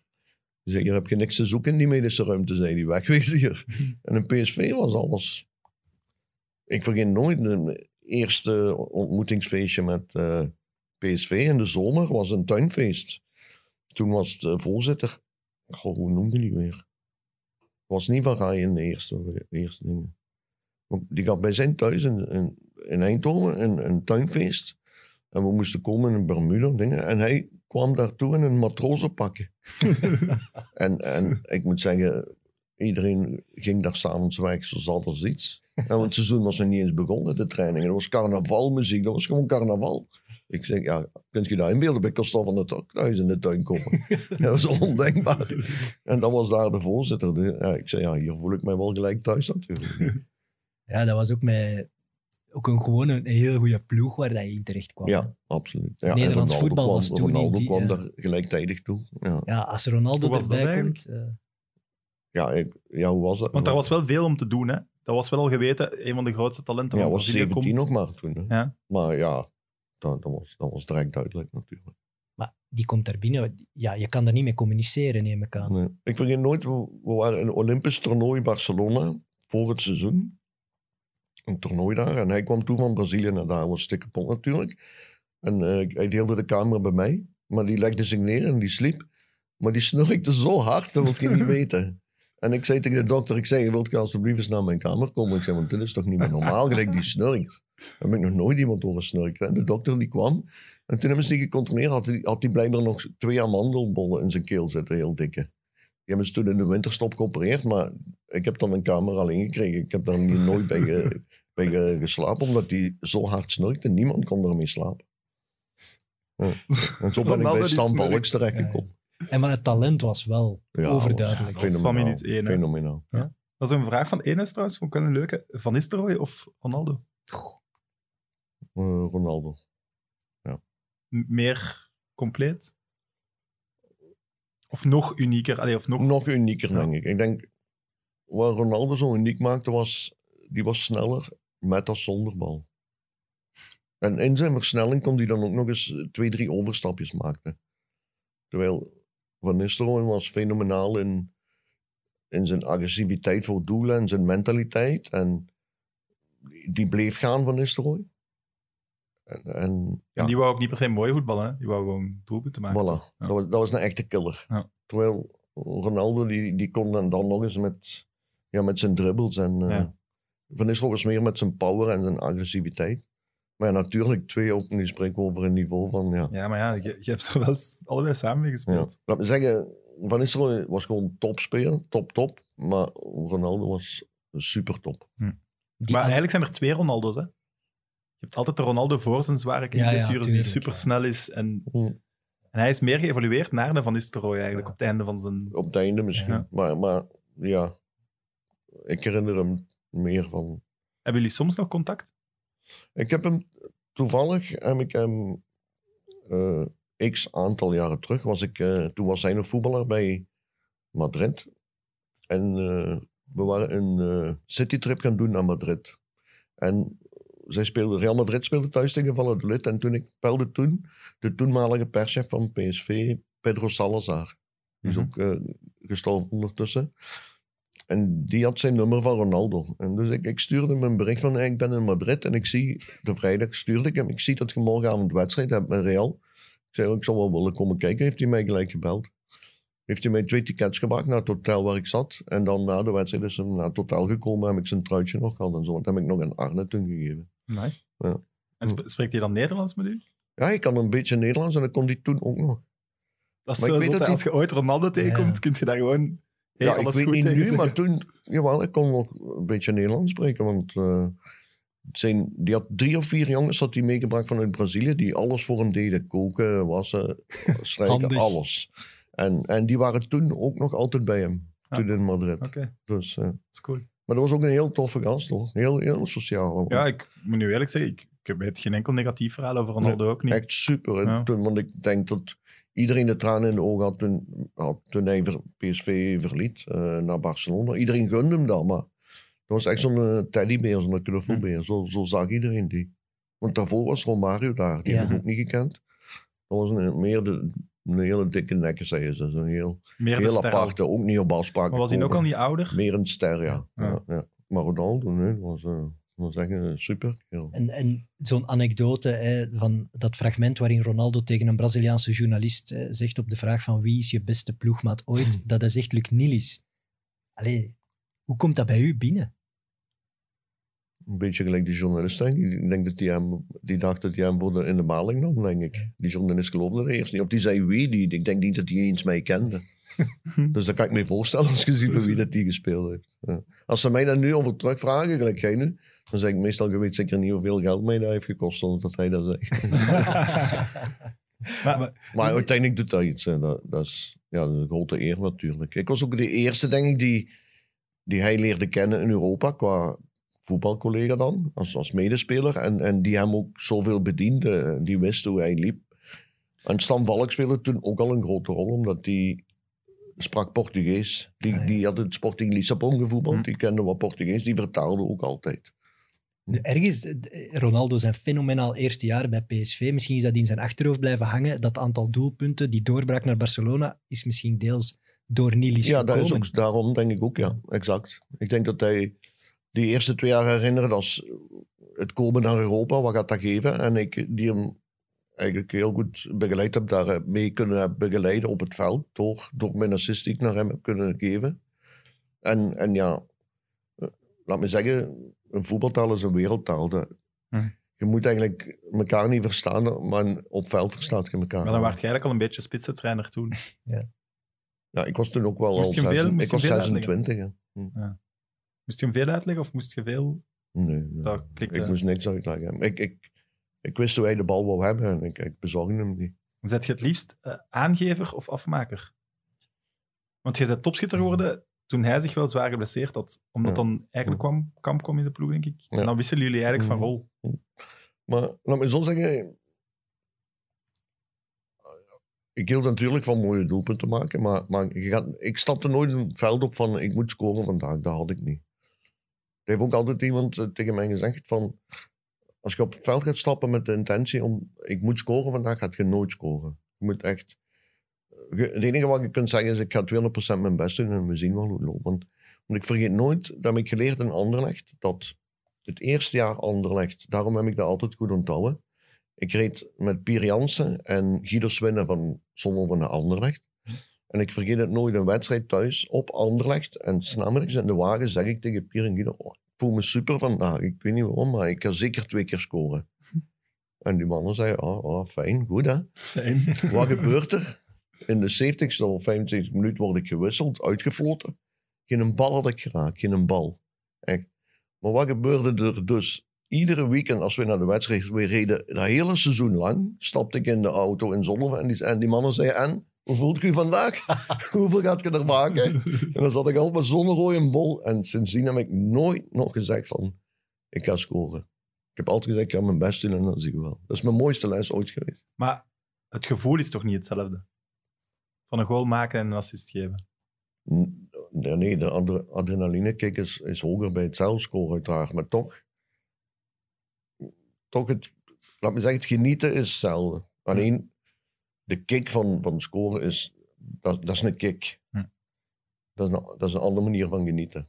Terwijl, nou, maar alhoewel, ik moet zeggen, ook wel enkele assists kunnen geven dat Ronaldo bijvoorbeeld scoorde. En ja, dat, ik had, ja, dat doet evenveel. Hm.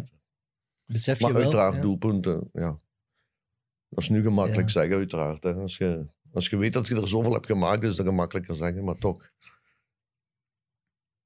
Omdat ik geen... Ik was eigenlijk geen... Ik ben een paar keer topschutter geworden, maar ik, ik ben geen topschutter.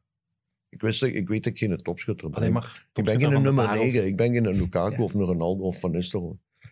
Ik was een ander type speler. Ja, dat is het straffe, dat er nog spelers naast stonden, gelijk Ronaldo en Van Nistelrooy, die nog meer doelpunten maakten. Dus dat was echt een duo die onderling 50 doelpunten maakte per seizoen. Ja, dan doe je altijd mee voor de prijzen als je dat hebt. En besef je ook wel als een Ronaldo zoiets zegt, ook Van Nistelrooy heeft het over jou gezegd, Mark de Grij zegt het ook, zo'n mooie woorden. Besef je dat, dat dat wel de dingen zijn die u voor de eeuwigheid maken? Dat een Ronaldo zoiets zegt over u? Ja, absoluut. maakt wel een Dat verschil, hè? Ja. Dus daarom ben ik ook wel blij dat ik ook die doelpunten heb kunnen maken. Aan de ene kant uiteraard ook, omdat ik nu ook word herinneren aan, aan, aan de mooie doelpunten die ik heb gemaakt. Moest ik alleen maar assists hebben gegeven, zou ik nooit Ja. als een, een type voetballer eh, herinnerd worden die, die zoveel mooie doelpunten ooit heeft gemaakt. Dus dat, dat maakt wel uiteraard het verschil. Wie in het moderne voetbal kunnen we het best vergelijken? Wat doet dat niet? Ja, maar ik denk puur dan de traptechniek misschien. Dries Mertens misschien. Dat, dat had Ja? ik ook, dat gevoel. die, die, die heeft ook later in zijn carrière wel plots die klik gemaakt van het doelpunt te maken. Hè? Ja, nee, maar bij PSV maakten hij soms doelpunten die ze daar dan Nilesiaans noemden, Ja. omdat dat ook vanuit de Ja. 16... Ja. Hij heeft ook een enorm, enorm goede trap. En hij heeft ook een beetje die Ja. krul nog in zijn Mm. trap. En daarom denk ik eerder aan hem, denk ik. Ja. Ik, eh, er zijn zo van die spelers, Matt Letizier, die had ook een geweldige trap in Engeland. Daar, daar kan je ook herhalingen van opzoeken. Juninho, die had ook zo eh, bij Lyon, die had ook zo'n geweldige Ja. trap. Ja. Er zijn mensen die daarmee geboren zijn. Maar ik vind dat ja, dat Cristiano Juninho- Ronaldo dat ook wel een beetje heeft. Zodat die bal op een zo'n specialere manier Maar die- raken. ja, Maar dan voor zijn zwabber. Meer uit de macht, zwabber. denk ik. Ja, voor de zwabber. Ja. Echt. Ja. De United-dingen, die had dat Ja. ook. Ja. Wow. Weet je, Mooie complimenten vergeleken worden met Dries Mertens en Ronaldo. Ronaldo weet ik ook wel van een wedstrijd tot, tot in een grote wedstrijd, dat hij ook een, een, een belangrijke vrije trap zo trapte, gelijk die hem zelf wilde trappen, rechte kruisen. Tegen Spanje, denk ik. Ja, dat kan met Portugal, hè. toernooi, de 3-2. Ja. Ja. Die, die prachtige vrije Ja. trap, hè. Ja. Maar dat zie je op voorhand. Eigenlijk zie ik dan op voorhand zie je dat hij die bal gaat binnentrappen. Dat is gek, maar Ja, je weet dat. Je voelt Ja, dat. je voelt dat. Ja. Dat bedoel ik. De, zijn houding achter die Ja. bal, dat zelfzekerheid, dat, dat, dat vind ik wel knap. Als hij hem dan ook nog eens daadwerkelijk daar zo binnentrapt. De meest iconische goal, denk ik, als we het over Luc Nielis hebben, is Utrecht. Je gaat alleen op de doelman, je krijgt een steekpaasje, je loopt er langs en dan beslis je in een fractie van een seconde om een, een, een Rabona-hak te doen. Hè? Ja. Achter je standbeen met de hak het lege doel binnen. Dat is... Je moet dat eens Ja. proberen om hem dan niet tegen je andere voet te, te doen. Dat want dat was Maar dat schuin, weet hè? op dat moment, hè? op dat dat moment schuin, weet je, als je die bal... en Dat is ook zoiets. Als ik dan op dat moment, je moet ook kijken naar mijn hoofd. Ik kijk alleen maar naar die bal, omdat ik weet, als ik op dat moment die bal mis, ja, dan lap ik mijn eigen pootje. Ja, dan Wa- waarom er. zegt Ja, hij ja, dat nee, niet? tuurlijk. Dus dat is, dat is een mooi voorbeeld van focus op je bal. En, Maar dit ging over... Want hij raakt die schuin, hè? Dat is het Ja. Net is niet recht achteruit, hè? Het is Maar dat- steekt hem eigenlijk echt ja. waar uw steunbeen stond. Eh, waarom dat ik op dat moment op dat gedag kwam, was gewoon omdat ik de bal te ver voor mij uit had geduwd. Voorbij de doelman. Ja, maar je Dat is komt niet goed gedaan, Luc. Dat is Nee, goed want dan was het... Ik, ik wist ik dacht, ik, ik stond te ver weg en ik denk van, ik kan die nooit afkappen en dan of sliden, ik gezegd, want dan is de verdediging en de keeper terug in doel. Nee, en het moest ook meteen. Dus op dat moment, toen ik dat dacht van, dat kan ik niet doen, toen kwam daar ineens op en toen heb ik dat gedaan. Ja. Ach, dat Dan weer- risico dat je daar neemt. Maar ja, Luc Daar sta je niet bij stil. Hè. Nee. Blijf bij je eerste gedachte. Ja, als dat je eerste gedachte is, dan heb je Ja, een- dat, was een mijn, geniale mijn- gedachte. dat was mijn beste optie op dat moment om te kunnen scoren en ik deed dat. Ja. En wist je toen dat die bal binnenging, ja, dit is eentje voor de eeuwigheid? Mm, Nee, nee, Nee? toch niet. Nee, ik zou Je weet dat dat een heel speciaal doelpunt is, maar niet in de context van. Maar, Ah, maar dat is maar misschien toen op dat moment Pre- ik toen scoorde, dacht ik dat niet. Maar ik moet eerlijk zijn, toen ik Dick Advocaat helemaal op het veld zag gaan en uit het dak zag gaan, toen dacht ik wel van oeh, dit is toch wel een speciaal doelpunt. Dat is dan toch een verschil dat social media misschien gedaan heeft. Ik weet dat, weet je nog, die zotte bal van Company die hem zo omhoog tikt en dan zijn volley. Dat Oh, was ja, naar ja. Dries en die bal is onderweg. En Dries heeft daarna verteld dat hij toen bezig was. Oh, oh, oh, deze gaat echt iets Ja. worden. Echt? Dus hij was toen aan het denken van, Ja. ik mag dit niet verpesten. Hm. Dus dat is dan toch verschil met Ja, vroeger. maak die goal in 2020 van Luc met dat hakje, dat, gaat de wereld heel rond. de wereld rond. Maar dan mocht je op, eh, dan mocht je op, op, Ja. in derde, vierde klasse doen. Hè. Dat gaat heel Ja. de wereld rond. Maar Ja, dit is dat ook wel de wereld rond gegaan. Vroeger was er geen social media Nee, en voilà. zo. hè. We, we hadden, Facebook, Twitter en weet ik veel wat allemaal, dat was er niet. Anders werd rijk, Ook wel. geweest. Ja, maar we hebben ook wel een veel mooiere tijd gehad dan de spelers nu.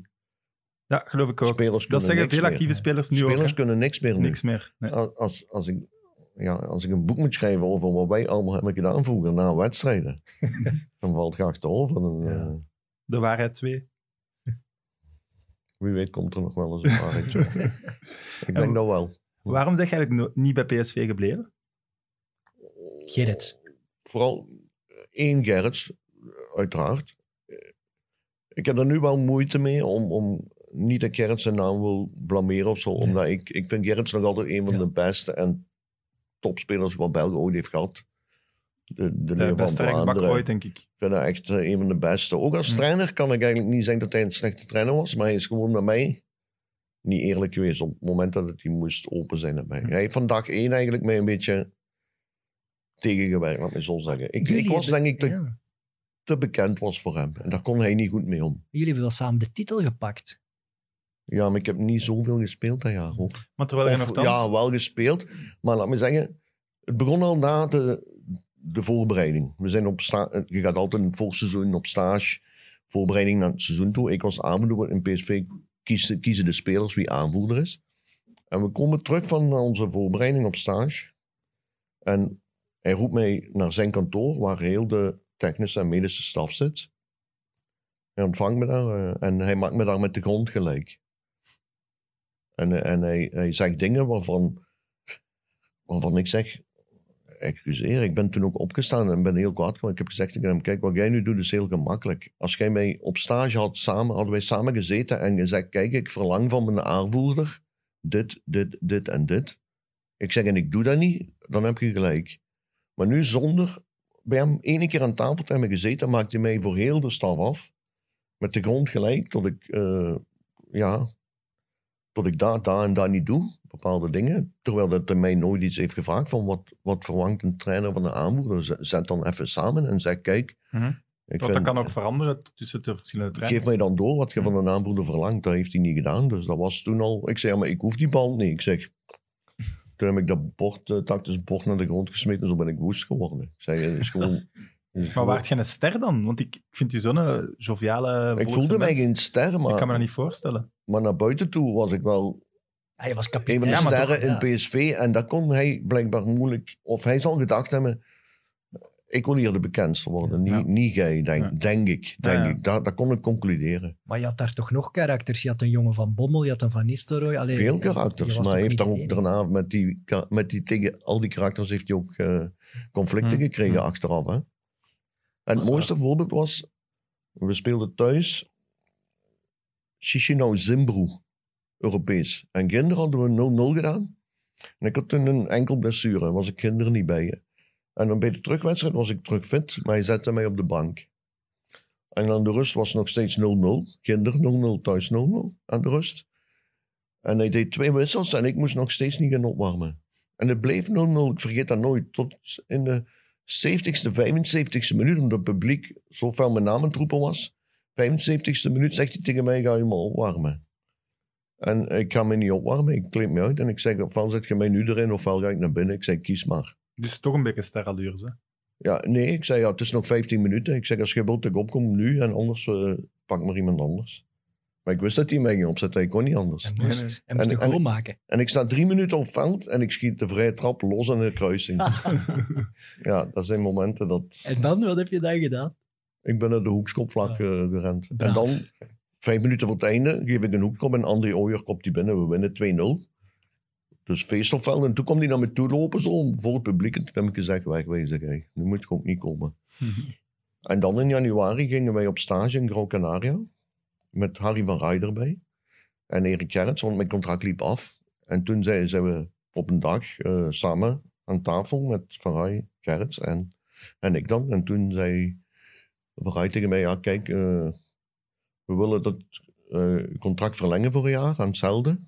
Maar je gaat niet meer, eh, je gaat stand-in worden van Arnold Brugging, zei hij. Brugink, ja. En ik zei, wat blief? Ik zei, meen- ik zei echt van, voorzitter, meent je dat nu? En die zo, ja, dat is eh, sportieve staf heeft dat beslist.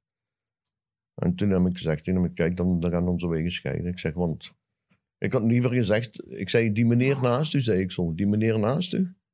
Ik had liever gehad dat hij had gezegd van, kijk, het is goed geweest bij PSV, ik, we kiezen voor iemand anders, je mocht een andere club zoeken. Ik zeg, maar nu, hij weet dat ik niet akkoord ga bij een stand-in overbrugging, want ik, ik, speel alles. Ik ben fit, ik ben basis. Ik zei, waarom zou ik voor een snotbel eh, mij op de bank gaan laten zetten? Een seizoen beginnen met denken van, ik moet stand-in zijn voor iemand. Ik zeg, hij weet dat ik daar niet mee akkoord ga. Ik zei, voorzitter, ik zei, nu maak je een grote fout. Ik zeg, die meneer naast, die is niet eerlijk. Dat is niet eerlijk. Ik zeg, maar, ik kan niet tegen de keuzes van de club op. Ik zeg, maar ik kan nu, nu al zeggen dat ik PSV dan ga verlaten. Hm. En zo is het gegaan. Gewoon omdat Gerrits toen zei dat ik eh, niet meer titularis was. Dat ik bankzitter zou zijn. Voor Ja. een brugging. En, eh, en ja, dat ging er bij mij niet in. En hoe ging dat dan? Want waren het dan ook nog altijd... Je was dan wel wat ouder, maar dan was het ook niet dat Barcelona of topploegen aan Niels dachten. Blijf dat raar ik, vinden. Ik denk dat op zeker moment eh Dirk de Graan was toen mijn makelaar nog. En eh tot hij zei, eh, we moeten naar Engeland. Eh, de club heeft gebeld. John, John Gregory was toen de manager daar. En eh, Aston Die Villa was toen wel bij veel gerenommeerder dan dat ze nu zijn. Hè? Ja, ja. ja. was Die ja, net- was- net Aston Villa was net was na de top, onder de top misschien. Net onder de top. Zo Everton, zo dat ja, stijl nu. Ja. En, ja, en als je als een Villa toekomt en, en de entourage daar en alles, Premier League vooral. Ik denk dat voor iedere voetballer toen zelfs een droom was om in de Premier League te spelen. En ik heb toen met die manager gebeld, ge- gepraat toen, en John Gregory. En eh, dat, dat klikte gelijk goed. En ja, dan eh, is dat heel snel gegaan eigenlijk. Maar ik, ik vind Aston Villa ook een prachtige club, prachtig shirt. Villa Park, Mhm. geweldig stadion. Ja. Hadden toen een voorlijn, hè, Dion Dublin, eh, de jonge Angel, denk ik. Jij kwam erbij. En dat was wel- Lang, Gino La, inderdaad, die is samen met jou toegekomen. Merson, Merson, Engels International. Ay, dat was echt wel Gerrit een Southgate, geweldige ploeg eigenlijk. James in de goal. Dat was Ja. echt... eh, Dus ik snap wel dat je, dat je daar ja tegen zegt. Mhm. Ja, ik moet En zeggen, dat was ook super hoor, super. En zeker ja, mijn eerste Ja, eerste wedstrijd tegen Chelsea. Chelsea. De dag daarvoor zag Ginola door zijn rug. En John Gregory komt naar mij toe en zei, zijn je klaar om te spelen, om te starten? Ik zeg, ik ben altijd klaar, zeg ik. Ik zeg altijd. En toen, ja, toen mocht ik starten tegen Chelsea en ik kan daar dat doelpunt maken. En dan zit je daar de god. Hè. Hm. Ja, maar ja, wat een Voor voorloop daarvoor- tegen, tegen ik moet Chelsea zeggen, ik dat was al was. Hè? heel gekend in, in Anderlecht PSV. Maar hoe je daar dan gekend bent, als je zo'n doelpunt komt, want daarvoor kenden ze mij niet echt gewoon. En, en, vanaf, International is in Engeland niet Voilà. super bekend. en toen scoorde ik dat doelpunt en ik werd daar op handen gedragen. Ik kan, ja, ik kan me niet voorstellen als ik daar een seizoen had kunnen spelen, Ja. hoe, hoe, bekend het gedaan werd. Omdat dat is, die mensen zijn helemaal gek van voetbal. Hè. Dat is, eh, de Engelse fancultuur is, is, Dat is, dat is fantastisch. ja. Dat, ja, dat ik, ik ben wel ergens blij dat ik dat heb kunnen meemaken. Want die eerste doelpunt, dat publiek en, en de dagen daarna, dat was geweldig. En ik vergeet zelfs nooit de avond, gespeeld namiddag, zaterdag namiddag in Engeland. En twee vrienden van mij waren toevallig op bezoek. En ik vroeg aan Paul Mawson s'avonds, ja, we waren alleen daar. Ik zei, waar kunnen we iets gaan drinken in eh, Birmingham hier? De juiste om aan te vragen. ja, ja, ja, tuurlijk, tuurlijk. Ik wist wel wie, aan wie dat ik moest vragen. en die zei, ga maar naar die discotheek. Hij zei, maar je moet er niet op letten. Daar gaat een hele rij staan om binnen te gaan. Hij zei, je moet daar gewoon langs afgaan, naar die bodyguards gaan. En je zegt mijn naam en je zegt dat je een villa-speler bent. En de rest zult je wel zien, zei hij. en inderdaad, Het was gebeurd. het was, het was de, de dag van ons leven, moet ik zeggen, met Ja, die twee man. mannen. En zeker ges- omdat ik gescoord had. Ja, En- de week erop gingen we naar Liverpool. Ja, dat was, dat was toch ook wel een droom om ooit het veld te kunnen betreden in Liverpool met die sporters daar. Want daar gaan zelfs als tegenstander gaan jaren omhoog Hm, staan. Tuurlijk. Je moet daar tegen spelen, maar je zit zo onder de indruk. Dat was, dat was ja, fenomenaal. Dat doelpunt tegen Chelsea, dat is ook...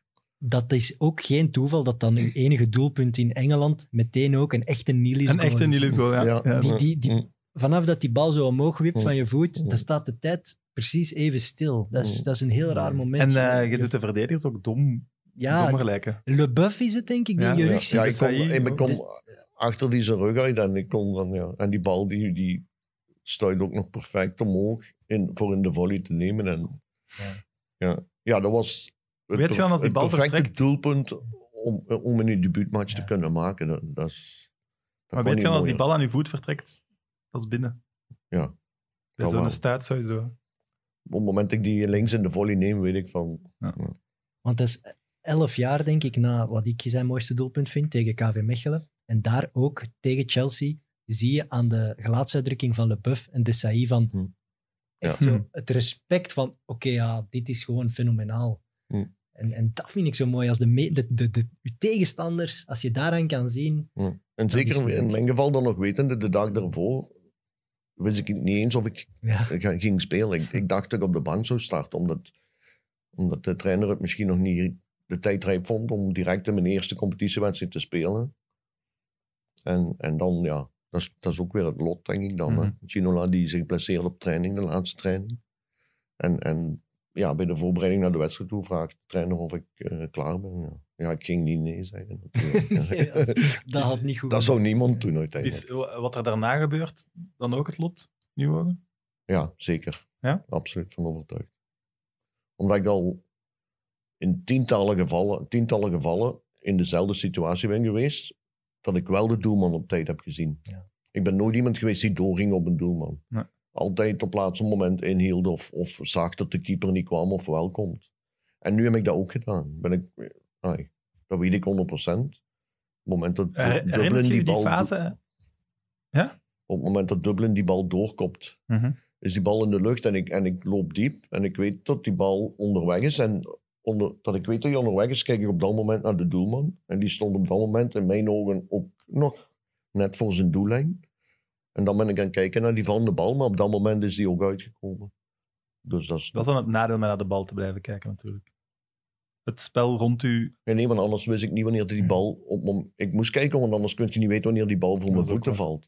Maar je- ik heb ja. daarvoor naar de doelman gekeken, wat ik anders ook deed. Maar dat klopt.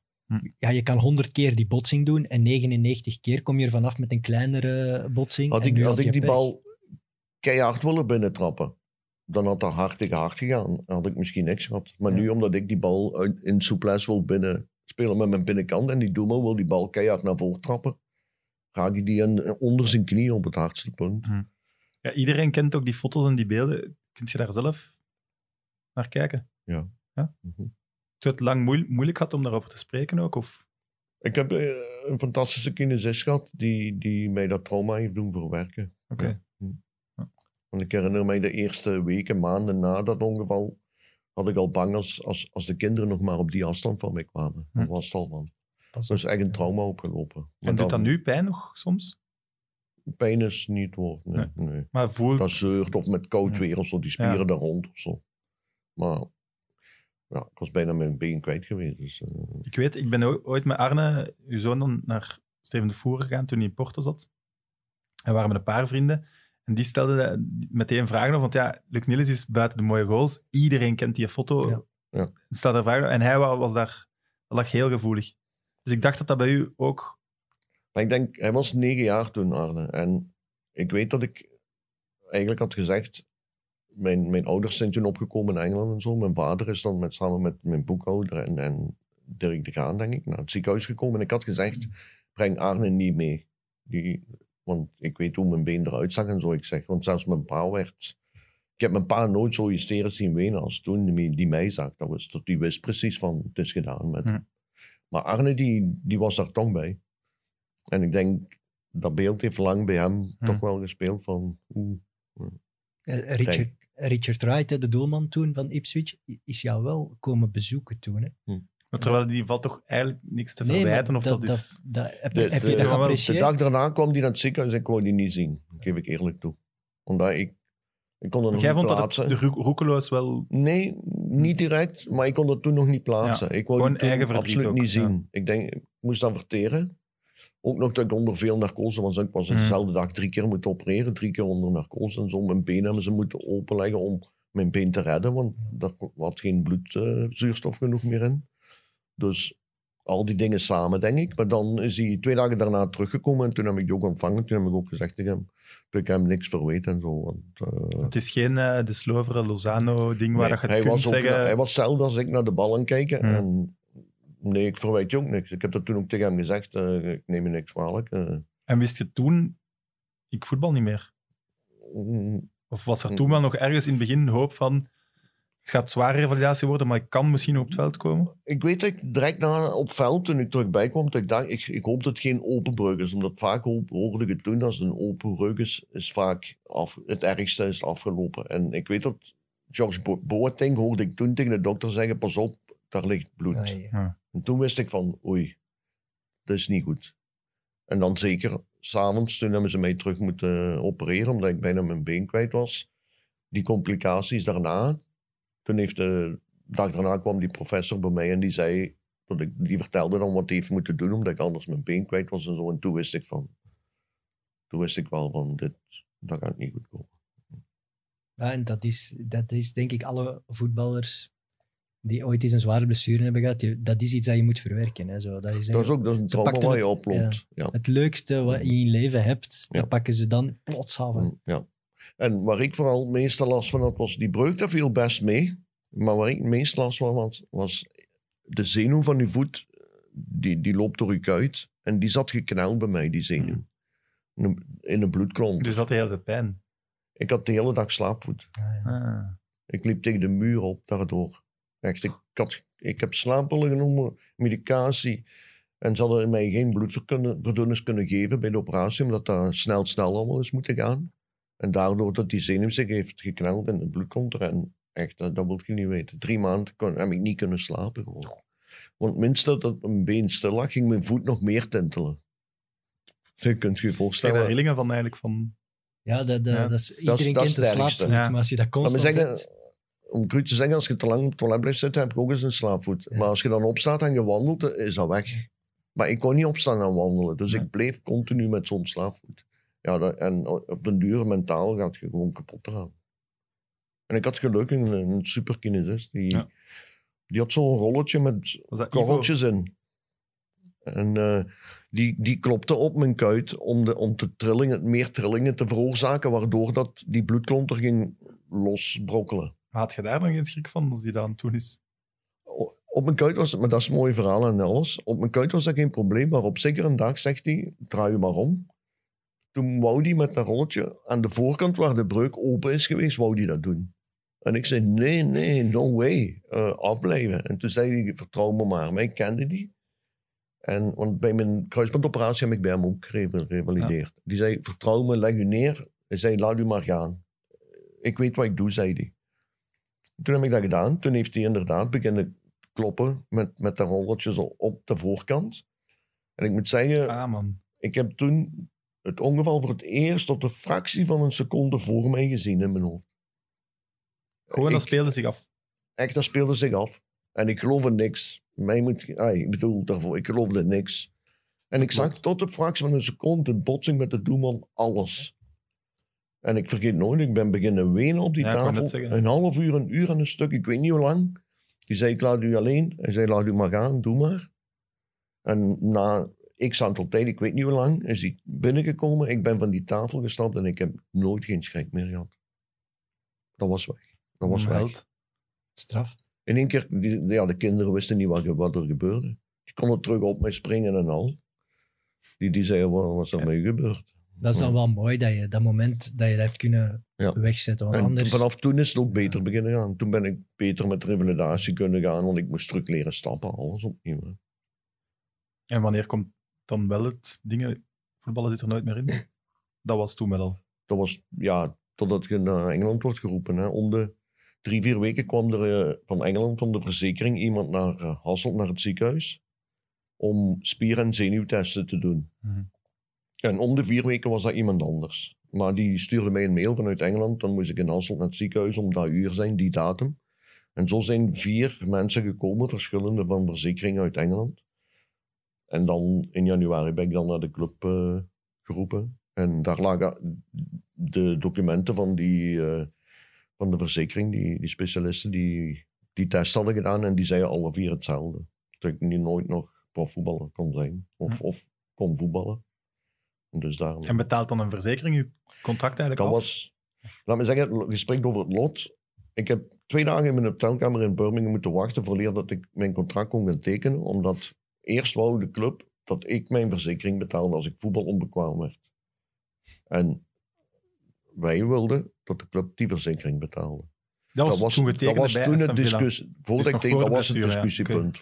Ja. Van het tekenen of, of niet tekenen. En wij zeiden, ik teken geen contract als de club mij niet verzekerd daartegen.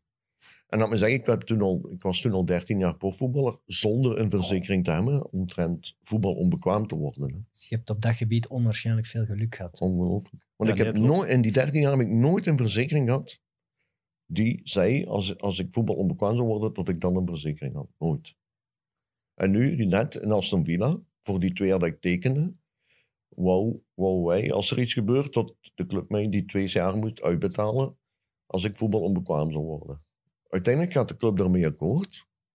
Hoorde ik, weet ik ook pas achteraf, want die papieren van de verzekering, toen ik bij Doc Ellis, was er nog Doc Ellis de voorzitter, moest Steen, steenrijke mensen. steenrijke mens, Ja.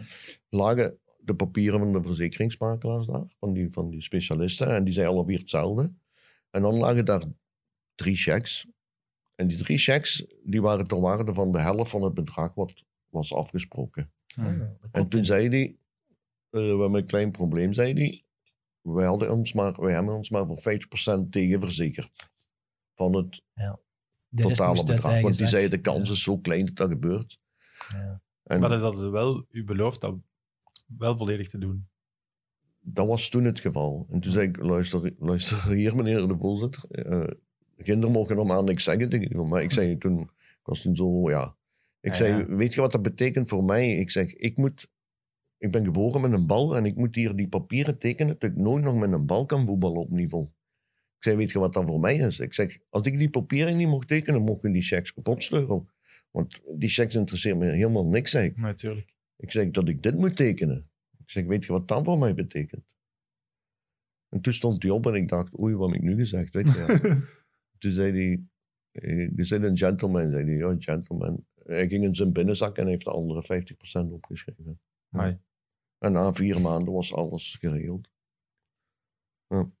Want zelfs de school, de kinderen gingen naar een private school. Dat was toen in die tijd, ik denk, een, een, een 25, 30.000 euro per schooljaar. Dat, dat Ja. we voor drie kinderen hadden betaald voor één jaar. En, en twee maanden later stond dat terug op onze rekening. Dus Aston Villa heeft er wel zijn hart getoond. Absoluut, ja. ja. Ja. Maar en dan volgt het zwarte gat. Ik denk dat je dat in je boek ook... Ja. eh, is dat dan zoeken naar een nieuwe betekenis van het leven? Dat ik dat zo mag zeggen? Of, Maar zo denk ik, je denkt nooit van, ik beland niet in een zwart gat. Maar je gaat er sneller, je, je gaat er dieper en dieper in zonder dat je het zelf beseft eigenlijk. Ja. Vooral omdat je, moet ik zeggen, je, je mist alles omtrent het voetbal. De, de adrenaline, de euforie er rond, alles wat je meemaakt. en er is ook niks dat dat ooit gaat kunnen vervangen. Hè? Niks. Niks. Niks. Niks. Dus, dus, dus die adrenaline kicks, die had ik niet meer, die kreeg ik niet meer. En die mis je vooral. Eh, eh, Het scoren, eh, assist geven, Duizenden alles. mensen die voor Voilà. onder andere voor Dat, dat, dat valt allemaal weg. De eerste drie, vier jaar ging dat nog omdat ik vooral revalidatie ging doen bij, om terug te kunnen sporten, om een beetje te kunnen tennissen of zo. Maar toen ik die papieren moest tekenen in januari al, toen had ik ook zoiets van, waarom moet ik nog? Ik mag toch niks meer doen. Toen, toen zei mijn kinderzus ook, ik kom je uit je bed halen als je, als je niet komt. Je moet dat doen. Zei, anders gaat je, als een mankenelers door het leven wilt, je zo leven, zei hij. Dat laat ik niet toe, zei hij. Dus ik heb heel veel aan die te danken gehad tot ik drie jaar bij hem ben blijven eigenlijk revalideren. Dus in in die jaren ging het nog, omdat je vooral ja, aandacht had aan revalidatie. Maar vooral na vier, vijf jaar komt de klap natuurlijk. Ja. Ja. En, en in mijn geval, ik heb, ik heb eh, andere adrenaline gaan zoeken op plekken waar ik het niet mocht zoeken, uiteraard. Dan bedoelt je gokken vooral. Ja. Ja. Vooral ook, ja. Ja. Ja. Omdat dat terug een beetje de kick gaf van, van het scoren. Van het winnen, van het... Ja. En, en zo raak je verslaafd aan iets waar je, zonder dat je het beseft. Ja, ja, dat. Is dat ook een structuur dat je miste dan en dat plots wegvalt? Alles, Als alles- voetballer weet je, ik moet naar daar, ik moet naar Ja. daar. Je hebt geen discipline meer. Je, je hebt niks om naar uit te kijken. Je, je denkt gewoon, ik doe maar op. Hè. Kan toch niet op. Het leven gaat verder zonder dat je het aan het leven bent. Voilà. Nee, Heb je, heb je ooit gedacht aan die, aan, die, aan die pokertafels van ik ga hier veel geld winnen? Want je, ja, je weet dat het uiteindelijk Nee, eigenlijk niet, niet eens dat. Het ging niet om het geld. Het ging gewoon om de kick van daar te kunnen spelen en te doen. Ja. En hoe is, Cru uw, gezegd. ja, hoe is uw, uw, uw band met Arne eigenlijk? Die, is- die, is- laat me zeggen, op, op- als je... Ik denk, eender welke verslaafde die door het leven gaat als een verslaafde, die liegt, die, die bedriegt, die manipuleert. Maar vooral, je, je manipuleert, je liegt naar je eigen vrienden, naar je eigen familie, naar je eigen kinderen. Zonder dat je zelf beseft waar je mee bezig bent. Dus ik was eigenlijk mijn kinderen meer en meer aan het verliezen. En dan, bij Arne is geweten, Arne is in geval zelf eh, vier, vijf jaar geleden ook in die zone terechtgekomen. Hij heeft zich laten opnemen in Zuid-Afrika. Hij is nu, ja, ik denk, een beetje geweten hoe Arne zijn levenswandeling is gelopen. Ja, voor de mensen die dat niet weten, Arne zet zich nu heel hard in tegen, Ja. allee, om de Ah, ja, gevolgen heeft dat dan- een gokverslaving Ja. kunnen... Arne heeft zich laten opnemen in Zuid-Afrika. Hij heeft daar eh, in een, eh, in een, ja, een afklikkliniek geweest in Zuid-Afrika. Een gekende afklikkliniek. Hij is dan teruggekomen, is gaan studeren in Leuven voor eh, eigenlijk mensen te helpen die verslaving hebben. En hij is dan afgestudeerd en hij, hij werkt nu in, in Antwerpen in Hoboken voor een verslavingscentrum of kliniek waar verslavenden binnengaan, waar die hij kan zelf helpen en dergelijke. Dus eh, ja, dat was voor mij een groot voorbeeld om eigenlijk eh, naar op te kijken van, eh, hij kan dat zelfs, waarom, waarom zou ik niet kunnen stoppen met, met al die dingen? Maar Heeft u uiteindelijk dan dacht ik... geholpen in... Hm? Want dat is wel nog maar redelijk recent, hè? Dat je echt, echt gestopt bent. Ik, Ja. ik zelf, ja. ja. En heeft, want hij had dan al... Hij is zijn- nu al vier, een half, vijf jaar, denk ik. Ja, ik, Ja. Ik heb hem gezien toen, toen, Ja. toen Kevin met City op Real Madrid speelde. En toen was hij echt net terug. En dan Ja. zijn we met ons twee gegaan. Mm, mm, Ik weet nog hoe hij die daarover vertelde en zo. Dat, dat was een hele andere Arne. Mm. Allee, Ja, maar het is... Het is, het is een- Absoluut. het, eh, je ziet het wel bij meerdere topsporters dat ze op zoek gaan naar een kick. Ja. Die maar denk je niet... Sorry dat ik onderbreek, maar denk je niet dat bij Arne dezelfde redenen waren dan bij u? Hij, hij was Niels, groot talent, PSV, door ook blessureleed denk ik vooral er niet gekomen. Dat Ook. hij dan zocht naar... Ook denk ik misschien de druk daar rond en alles. En, en zitten zoeken naar een uitweg. En, en ja, gelijk ze zeggen, de appel valt meestal niet ver van de boom. Is, is die appel bij hem ook eh, dik bij de verkeerde boom gevallen, denk ik. En, en zich ook eh, die weg gaan vinden in het, het gokken en zo. En eh, ook Ja. heel, heel diep gezeten. En uiteindelijk heeft hij dan, eh, ja, toen 5 voor 12 was, is hij dan eh, opgenomen in Zuid-Afrika. En als ik nu zie, vijf jaar later, waar hij nu staat, ja, dat, Ja. Is, eh, dat is ongelooflijk. Maar je hoort ook wel vaker toch bij voetballers dat er gekaart wordt voor redelijk veel geld. Dat ook in Engeland heel veel voetballers eh, hun stress proberen kwijt te geraken door s'avonds ook weg te gaan naar casino's en zo. Dat, is, dat zit wel in die topsportmentaliteit, die cultuur om ergens te ontstressen of zo. Dat is ook, maar, maar er zijn ook spelers die dat niet boeien. Ja, dus dat moet ook in u zitten. Ja. Het, het- het is een ziekte die je hebt. En, en sommigen hebben die ziekte niet. Die, die, die, die hebben eigenlijk dezelfde stress of dezelfde dingen, maar die zoeken geen... eh, Laat me een voorbeeld geven. Philippe de Wilde, die kaarten nooit. Die, die las heel veel boeken.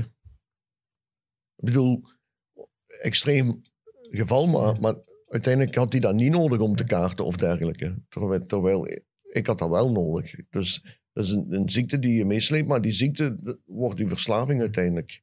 En, en hoe, hoe gaat je daarmee om? Laat me zeggen, als je je niet laat opnemen, gaat je er niet van afgeraken. Daar ben ik zeker van. Alleen red je dat niet.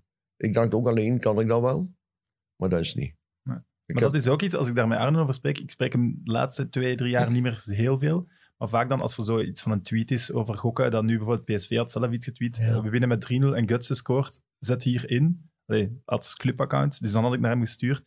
Hij is, hij is niet tegen gokken of zo. Hè. Hij is tegen misleidende tweets en zo, dat soort dingen is hem heel hard tegen. Maar hij zegt ook, ja, er zijn 90% van de mensen zetten zin op een wedstrijd en raakt nooit in de problemen als dat ik heb die gehad. raken Dus- niet verslaafd. Ja. Maar, maar een verslaafde kan dat niet doen. Nee, ja, die mag dan niet doen. Dat Nee. snap ik ook. Ik, ik kan niet 1 euro zetten, want dan zit je terug vertrokken. Ja, ik weet dat nog. Die, die match vroeg ik aan hem. Hij dronk toen ook geen alcohol bijvoorbeeld, want Ja. dat verlaagt uw grenzen, zeg Dat maar. En ik vroeg, wat denkt je van de match van vanavond? Lijkt dat je als je vrienden, je in aanloop naar de wedstrijd. En die wou zelfs geen voorspelling onder ons zonder geld. Hè? Nee. Dat is Nee. dat. Nee, als je iets niet weet, ja, gaat, gaat je gokken. Ik Hm. bedoel, als je ergens ni- niet van zeker weet, dan... Maar Ik heb dat ook allemaal maar geleerd, omdat ik... Ik heb hetzelfde traject als Arne gedaan. Ja. Wat veel mensen niet weten, ook laten opnemen. En ik ben, ik ben nu ook bijna een jaar eh, eigenlijk eh gokvrij. En ik moet zeggen, je- je- je- in je herstel word je sterker en sterker, omdat ik, omdat ik weet welke handvaten ik moet vastnemen om, om niet te hervallen. Ja. Dus eh, ik, heb, ik heb veel vormen om in je herstel je sterker en sterker te maken. Maar vroeger zag je dat niet. Je moet, het is heel zwaar, want eh, dat is voor mij ook geweest. Je, je, je komt je eigen tegen. eh, Maar dat je- moet je misschien, nooit om zijn het probleem, omdat het probleem zo diep zit, moet Vo- je zo ja, diep graven. Volledig resetten. U, u, eigenlijk moet het helemaal gewist worden, uw, uw drang naar. En dan moet je er zelf aan werken, uiteraard. Heb je daar, heb je daar veel geld aan verloren? Ah ja, heel veel. Ja. Ik dacht nooit eh, dat ik... eh, ik dacht, ik krijg het toch nooit op. Dacht ik. Maar uiteindelijk raak ik er toch aan tot het Ja. op kan. En sneller dan het verdiend Ja. is. En dan gaat, maar dat is even erg voor, voor, voor een werkende mens. Stel dat jij eh, Ja, dat kan gewoon werkt en, en, en die is verslaafd. Dat is op zich nog erger. Want voor mij is het erg. Ik, ik schaam me vooral omdat ik het geld heb gehad. En ik heb, het, ik heb vooral schaamte naar familie, vrienden toe. Waarom ben ik zo stom geweest dat te, te kunnen opdoen? Maar één, omdat ik niet... Ik dacht dat ik niet verslaafd was, dacht ik. En, en twee, als je verslaving niet herkent, als je dat niet wilt herkennen, raak je dieper en dieper. Tot uiteindelijk het toch op kan. Maar iemand die in de... Ik, ben- ik ben geluk bij een ongeluk. Ik ben niet in schulden moeten gaan naar mensen. Of naar, al- naar banken, of weet ik veel toe. Er zijn veel mensen die moeten naar, in schulden gaan. Mhm. Jordan was toch in de Last Dance ook zoiets dat hij... Ja, ik bedoel, en, en Je hebt gewoon uiteindelijk, je spaargeld. uiteindelijk gaat- gaan die stelen van, Mhm. Ja. van uw eigen echtgenoot, of van uw vriendin, of van uw vrienden, of van uw kinderen zelfs en dergelijke. Ik, ik ben ook in, in, in Zuid-Afrika, als je hoort die verhalen allemaal, dan denk je, oh, mijn is niet zo erg. Maar uiteindelijk is dat allemaal even erg, Hmm. want op het einde van de rit, de verslaafde denkt en doet hetzelfde. Ja. Die, die liegt, En dan maakt het ook niet uit welke en- verslaving het is. Zelfs. Maakt niet uit welke. De, de, de, zeggen, als je cocaïneverslaafde bent, denk ik wel dat, dat de hersenen meer beschadigd gaan zijn als bij een gokverslaafde. In het herstel Door de middelen die je gebruikt, gaat dat natuurlijk veel meer doen, denk ik. In je herstel, ja. Hm. ja.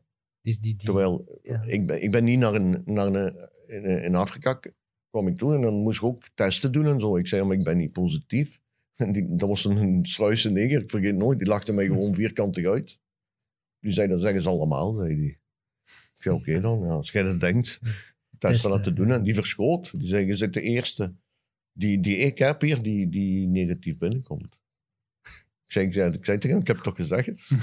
En Toen moest ze wel lachen, maar, maar om wat te zeggen, ik, ik heb niet ontwenningsdingen moeten doen die in een detoxkamer of zo gebeuren, weet je. Nee. Want, want straks hoorde jij daar eh, jonge gasten of zo schreeuwen en al. Hè, dat ik denk van, allee, jong, wat maken die mee? Hè? Dus dat is zo erg dat je... Maar uiteindelijk maakt het, maakt het uit, want voor, mijn vorm is dat even erg. Alleen Mhm. ik moet dat op een andere manier verteren als Ja, zo iemand. het, het neemt heel uw leven over, hè? ook al heeft het lichamelijk Ja. misschien minder Ja. impact. Laat me zeggen, ik ben, heel, ik ben nu bijna een jaar heel dankbaar dat ik, dat ik die weg op ben gegaan en dat ik terug mijn eigen in de spiegel kan kijken. Gewoon. En, en vooral naar familie, vrienden en iedereen toe. Want daar draait het uiteindelijk om. Tuurlijk. Ik heb er wel Tuurlijk. En als je ja. ziet hoe Arne nu de weg in het leven gevonden Dat heeft. stimuleert uiteraard. Ja, absoluut. twee dochters ook. Ja. Ik heb Ja, wel, alles stimuleert u. In uw, Ja. in uw proces, in uw herstel, alles stimuleert u. er wel oneindig veel respect voor dat je daarover kan praten. En dat je dat hebt toegegeven van, ik had hulp nodig. En dat, dat die zijn wel stappen die ook mensen, luisteraars van ons, maar ook ah, gewoon in de maatschappij is er vaak nog taboe. Dus ik vind het wel knap als, als je daarover kan praten. Omdat, omdat, omdat geweten is dat ik eh, gokte. Of dat ik, laat me zeggen, nog niet zozeer verslaafd was, maar wel dat, ik- dat ik een gokker was. Maar, maar dat, wil, dat wil ik ook ergens uit de wereld helpen, omdat ik dat, omdat ik dat ben geweest, maar, maar niet meer ben. Ja. Velen denken misschien ook van, hij zegt dat wel zo, maar ik kan bewijzen dat ik dat niet meer ben. Omdat ik weet wat ik, wat ik ervoor doe. Maar en je, je kunt er nu over praten, maar dat, dat is heel lang niet, niet gegaan, toch? Nee, omdat je, laat me zeggen, je, je je uiteraard. Ja, Naar- naar ja veel en dan is het niet over wat de publieke opinie gaat Nee. zijn, maar vooral voor de mensen dicht bij u. naar, Die... naar mijn eigen mensen vooral, Ja. ja. Omdat, omdat ik vooral mijn kinderen, mijn familie en al heb bedrogen. Dat, dat is het moeilijke. Maar als jij eens sterk in je herstel zit, in je proces zit, kun je daar makkelijk over praten, omdat ik nu mijn eigen zelfs recht Mhm. in de spiegel kan aankijken. Ja. Vroeger kon ik daar wel over praten, maar dan was dat niet gemeend. Ja. Omdat ik wist van af en toe deed ik toch misschien nog gok of zo. Hm. En een alcoholieker die zijn eerste pint drinkt, is ook dat het. Het is een alibi-herstel eigenlijk. Dan. Voilà. Ja. Terwijl nu je effectief ook in, in een echt herstel zit. En, en tot dat makkelijker is om erover te praten, omdat ik zeker er in mijn schoenen sta. Uiteraard. Ja, je, je ziet er goed uit, je ziet er gezond uit. Ja, en nog het, het u. positieve nieuws is ook nog, Luc Niels gaat opa worden. Echt? Dat klinkt wel oud natuurlijk, Ja. hè, niet? Een bompa. Opa Luc. Ah, opa of Luc. bompa? Opa Luc. Opa? Opa Luc. Ja. Ja. Zalig toch? Als dat je opa Binnen is. Niet drie- meer lang, hè? Binnen drie weken, de En- eerste. Een de jongen eerste. of een meisje? Of... Jongen. Die druk. Nee, helemaal niet. Helemaal geen druk. Nee, juist niet, denk ik, geen druk. Nee. Maar Die gaan wel, wel kunnen iets moois om genieten. naar uit te kijken Ja, in deze periode. Die, kan wel, die, die kleinzoon gaat wel verwend worden, denk ik, door u. Welke, welk kleinkind wordt niet verwacht? Ja, dat Ik bedoel- is, dat is, Ja. Ik denk misschien, nu, misschien, verwend, dus ja. misschien nu nog minder, omdat nu in de coronatijd gaan we misschien nog wassen alleen de Ja. kleine kunnen zien, Ja. de baby kunnen zien. Dus maar we gaan het toch positiever. Er is een vaccin, 90% Ja, ja, zeker. voilà. George we gaan ervan vaccin. uit, het uiteraard, we gaan ervan uit dat we die heel fel gaan verwennen. Dat is een feit. Vanaf dat hij tegen een bal kan trappen, is corona lang vergeten. Voilà. Ja, wie weet. Dan kan hij in de tuin met opa Luc eh, wat balletjes draaien. Ga je dezelfde oefeningen doen als, als uw vader bij u gedaan heeft? Nee, maar dat weet ik. Want uw tweevoetigheid, Ah, ik- dat is echt aangeleerd, hè?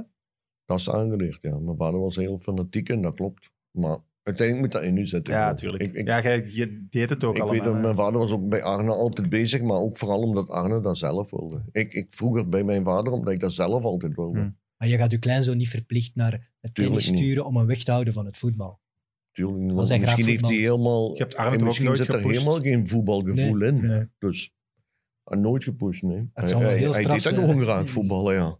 Ja. Misschien doet, doet hij straks helemaal niet graag voetballen. Maar ja, u, Niks mis mee. vader profvoetballer geweest, jij profvoetballer geweest, eh, Arne tot bij PSV geschopt. Ja. Het zou mooi zijn, hè, de vierde. Dat is een, ja, maar ja, ik Het moet eerlijk niet. zijn dat ik dat...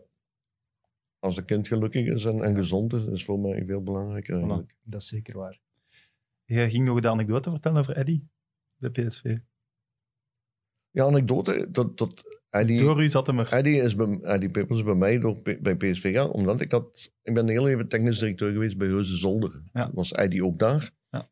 Plots gaat Heuze Zolder failliet, dus Eddie zit zonder werk.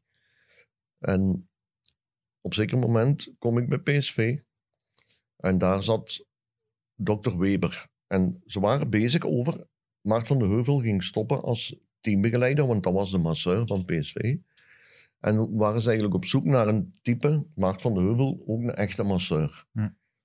En ik hoor dat en ik, ik ga naar dokter Weber en ik zeg, dokter, ik, zeg, ik denk dat ik iemand heb. Ik zeg, maar ik vind het delicaat, want als ik iemand ga aanprijzen en dat valt tegen, ja, dan ben ik de klos. Mhm. Ik zeg, maar ik denk echt dat ik iemand heb voor u die aan dat profiel echt voldoet. Een hele goeie. Toen zeg ik, ja, bel die, laat die morgen komen, bellen. dus wat gebeurt er? Ik bel Eddie Pepels. Ik zeg, Eddie, alles goed? Ja, alles goed. ik zeg, Eddie, heb je morgen iets te doen? Hij zei, ja, nee, ja, nee. Ik zeg, morgen moet je om tien uur op de hertgang afspraak met dokter Weber bij PSV zijn, zei ik.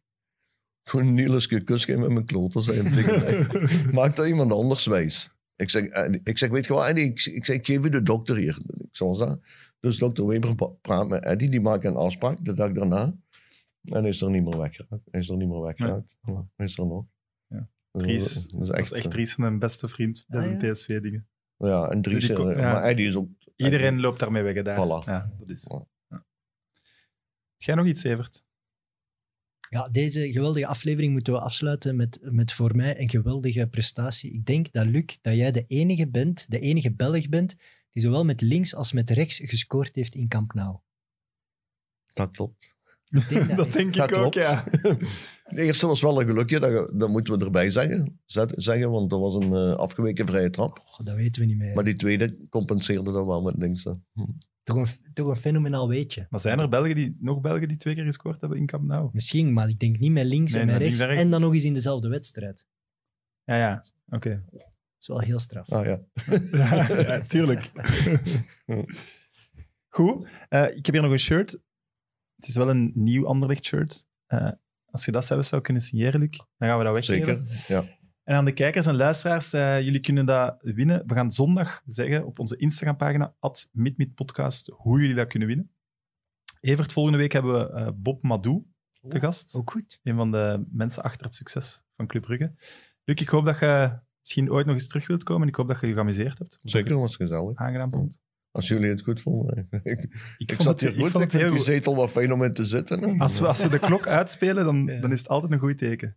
Ah, Ik ga straks nog eens naar YouTube. De 50 parels van Luc Nelis. Ja, de 50 parel. maar wat mij, wat mij opvalt, en dan gaan we het echt eh, neerleggen, waarom komt je niet meer als analist en zo op tv?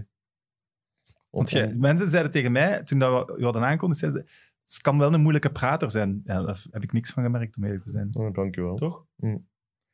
Ja, misschien wel. Maar, maar Je valt veel geld mee te verdienen. het, is ook, het onderwerp wat boeit me ook wel. maar ja, als je, Alle- in het begin ging het over spitsen en hoe de bal... Voilà. Ja. Was een beetje van alles. En... Aan de kijkers en luisteraars, tot volgende week. Friends of Sports.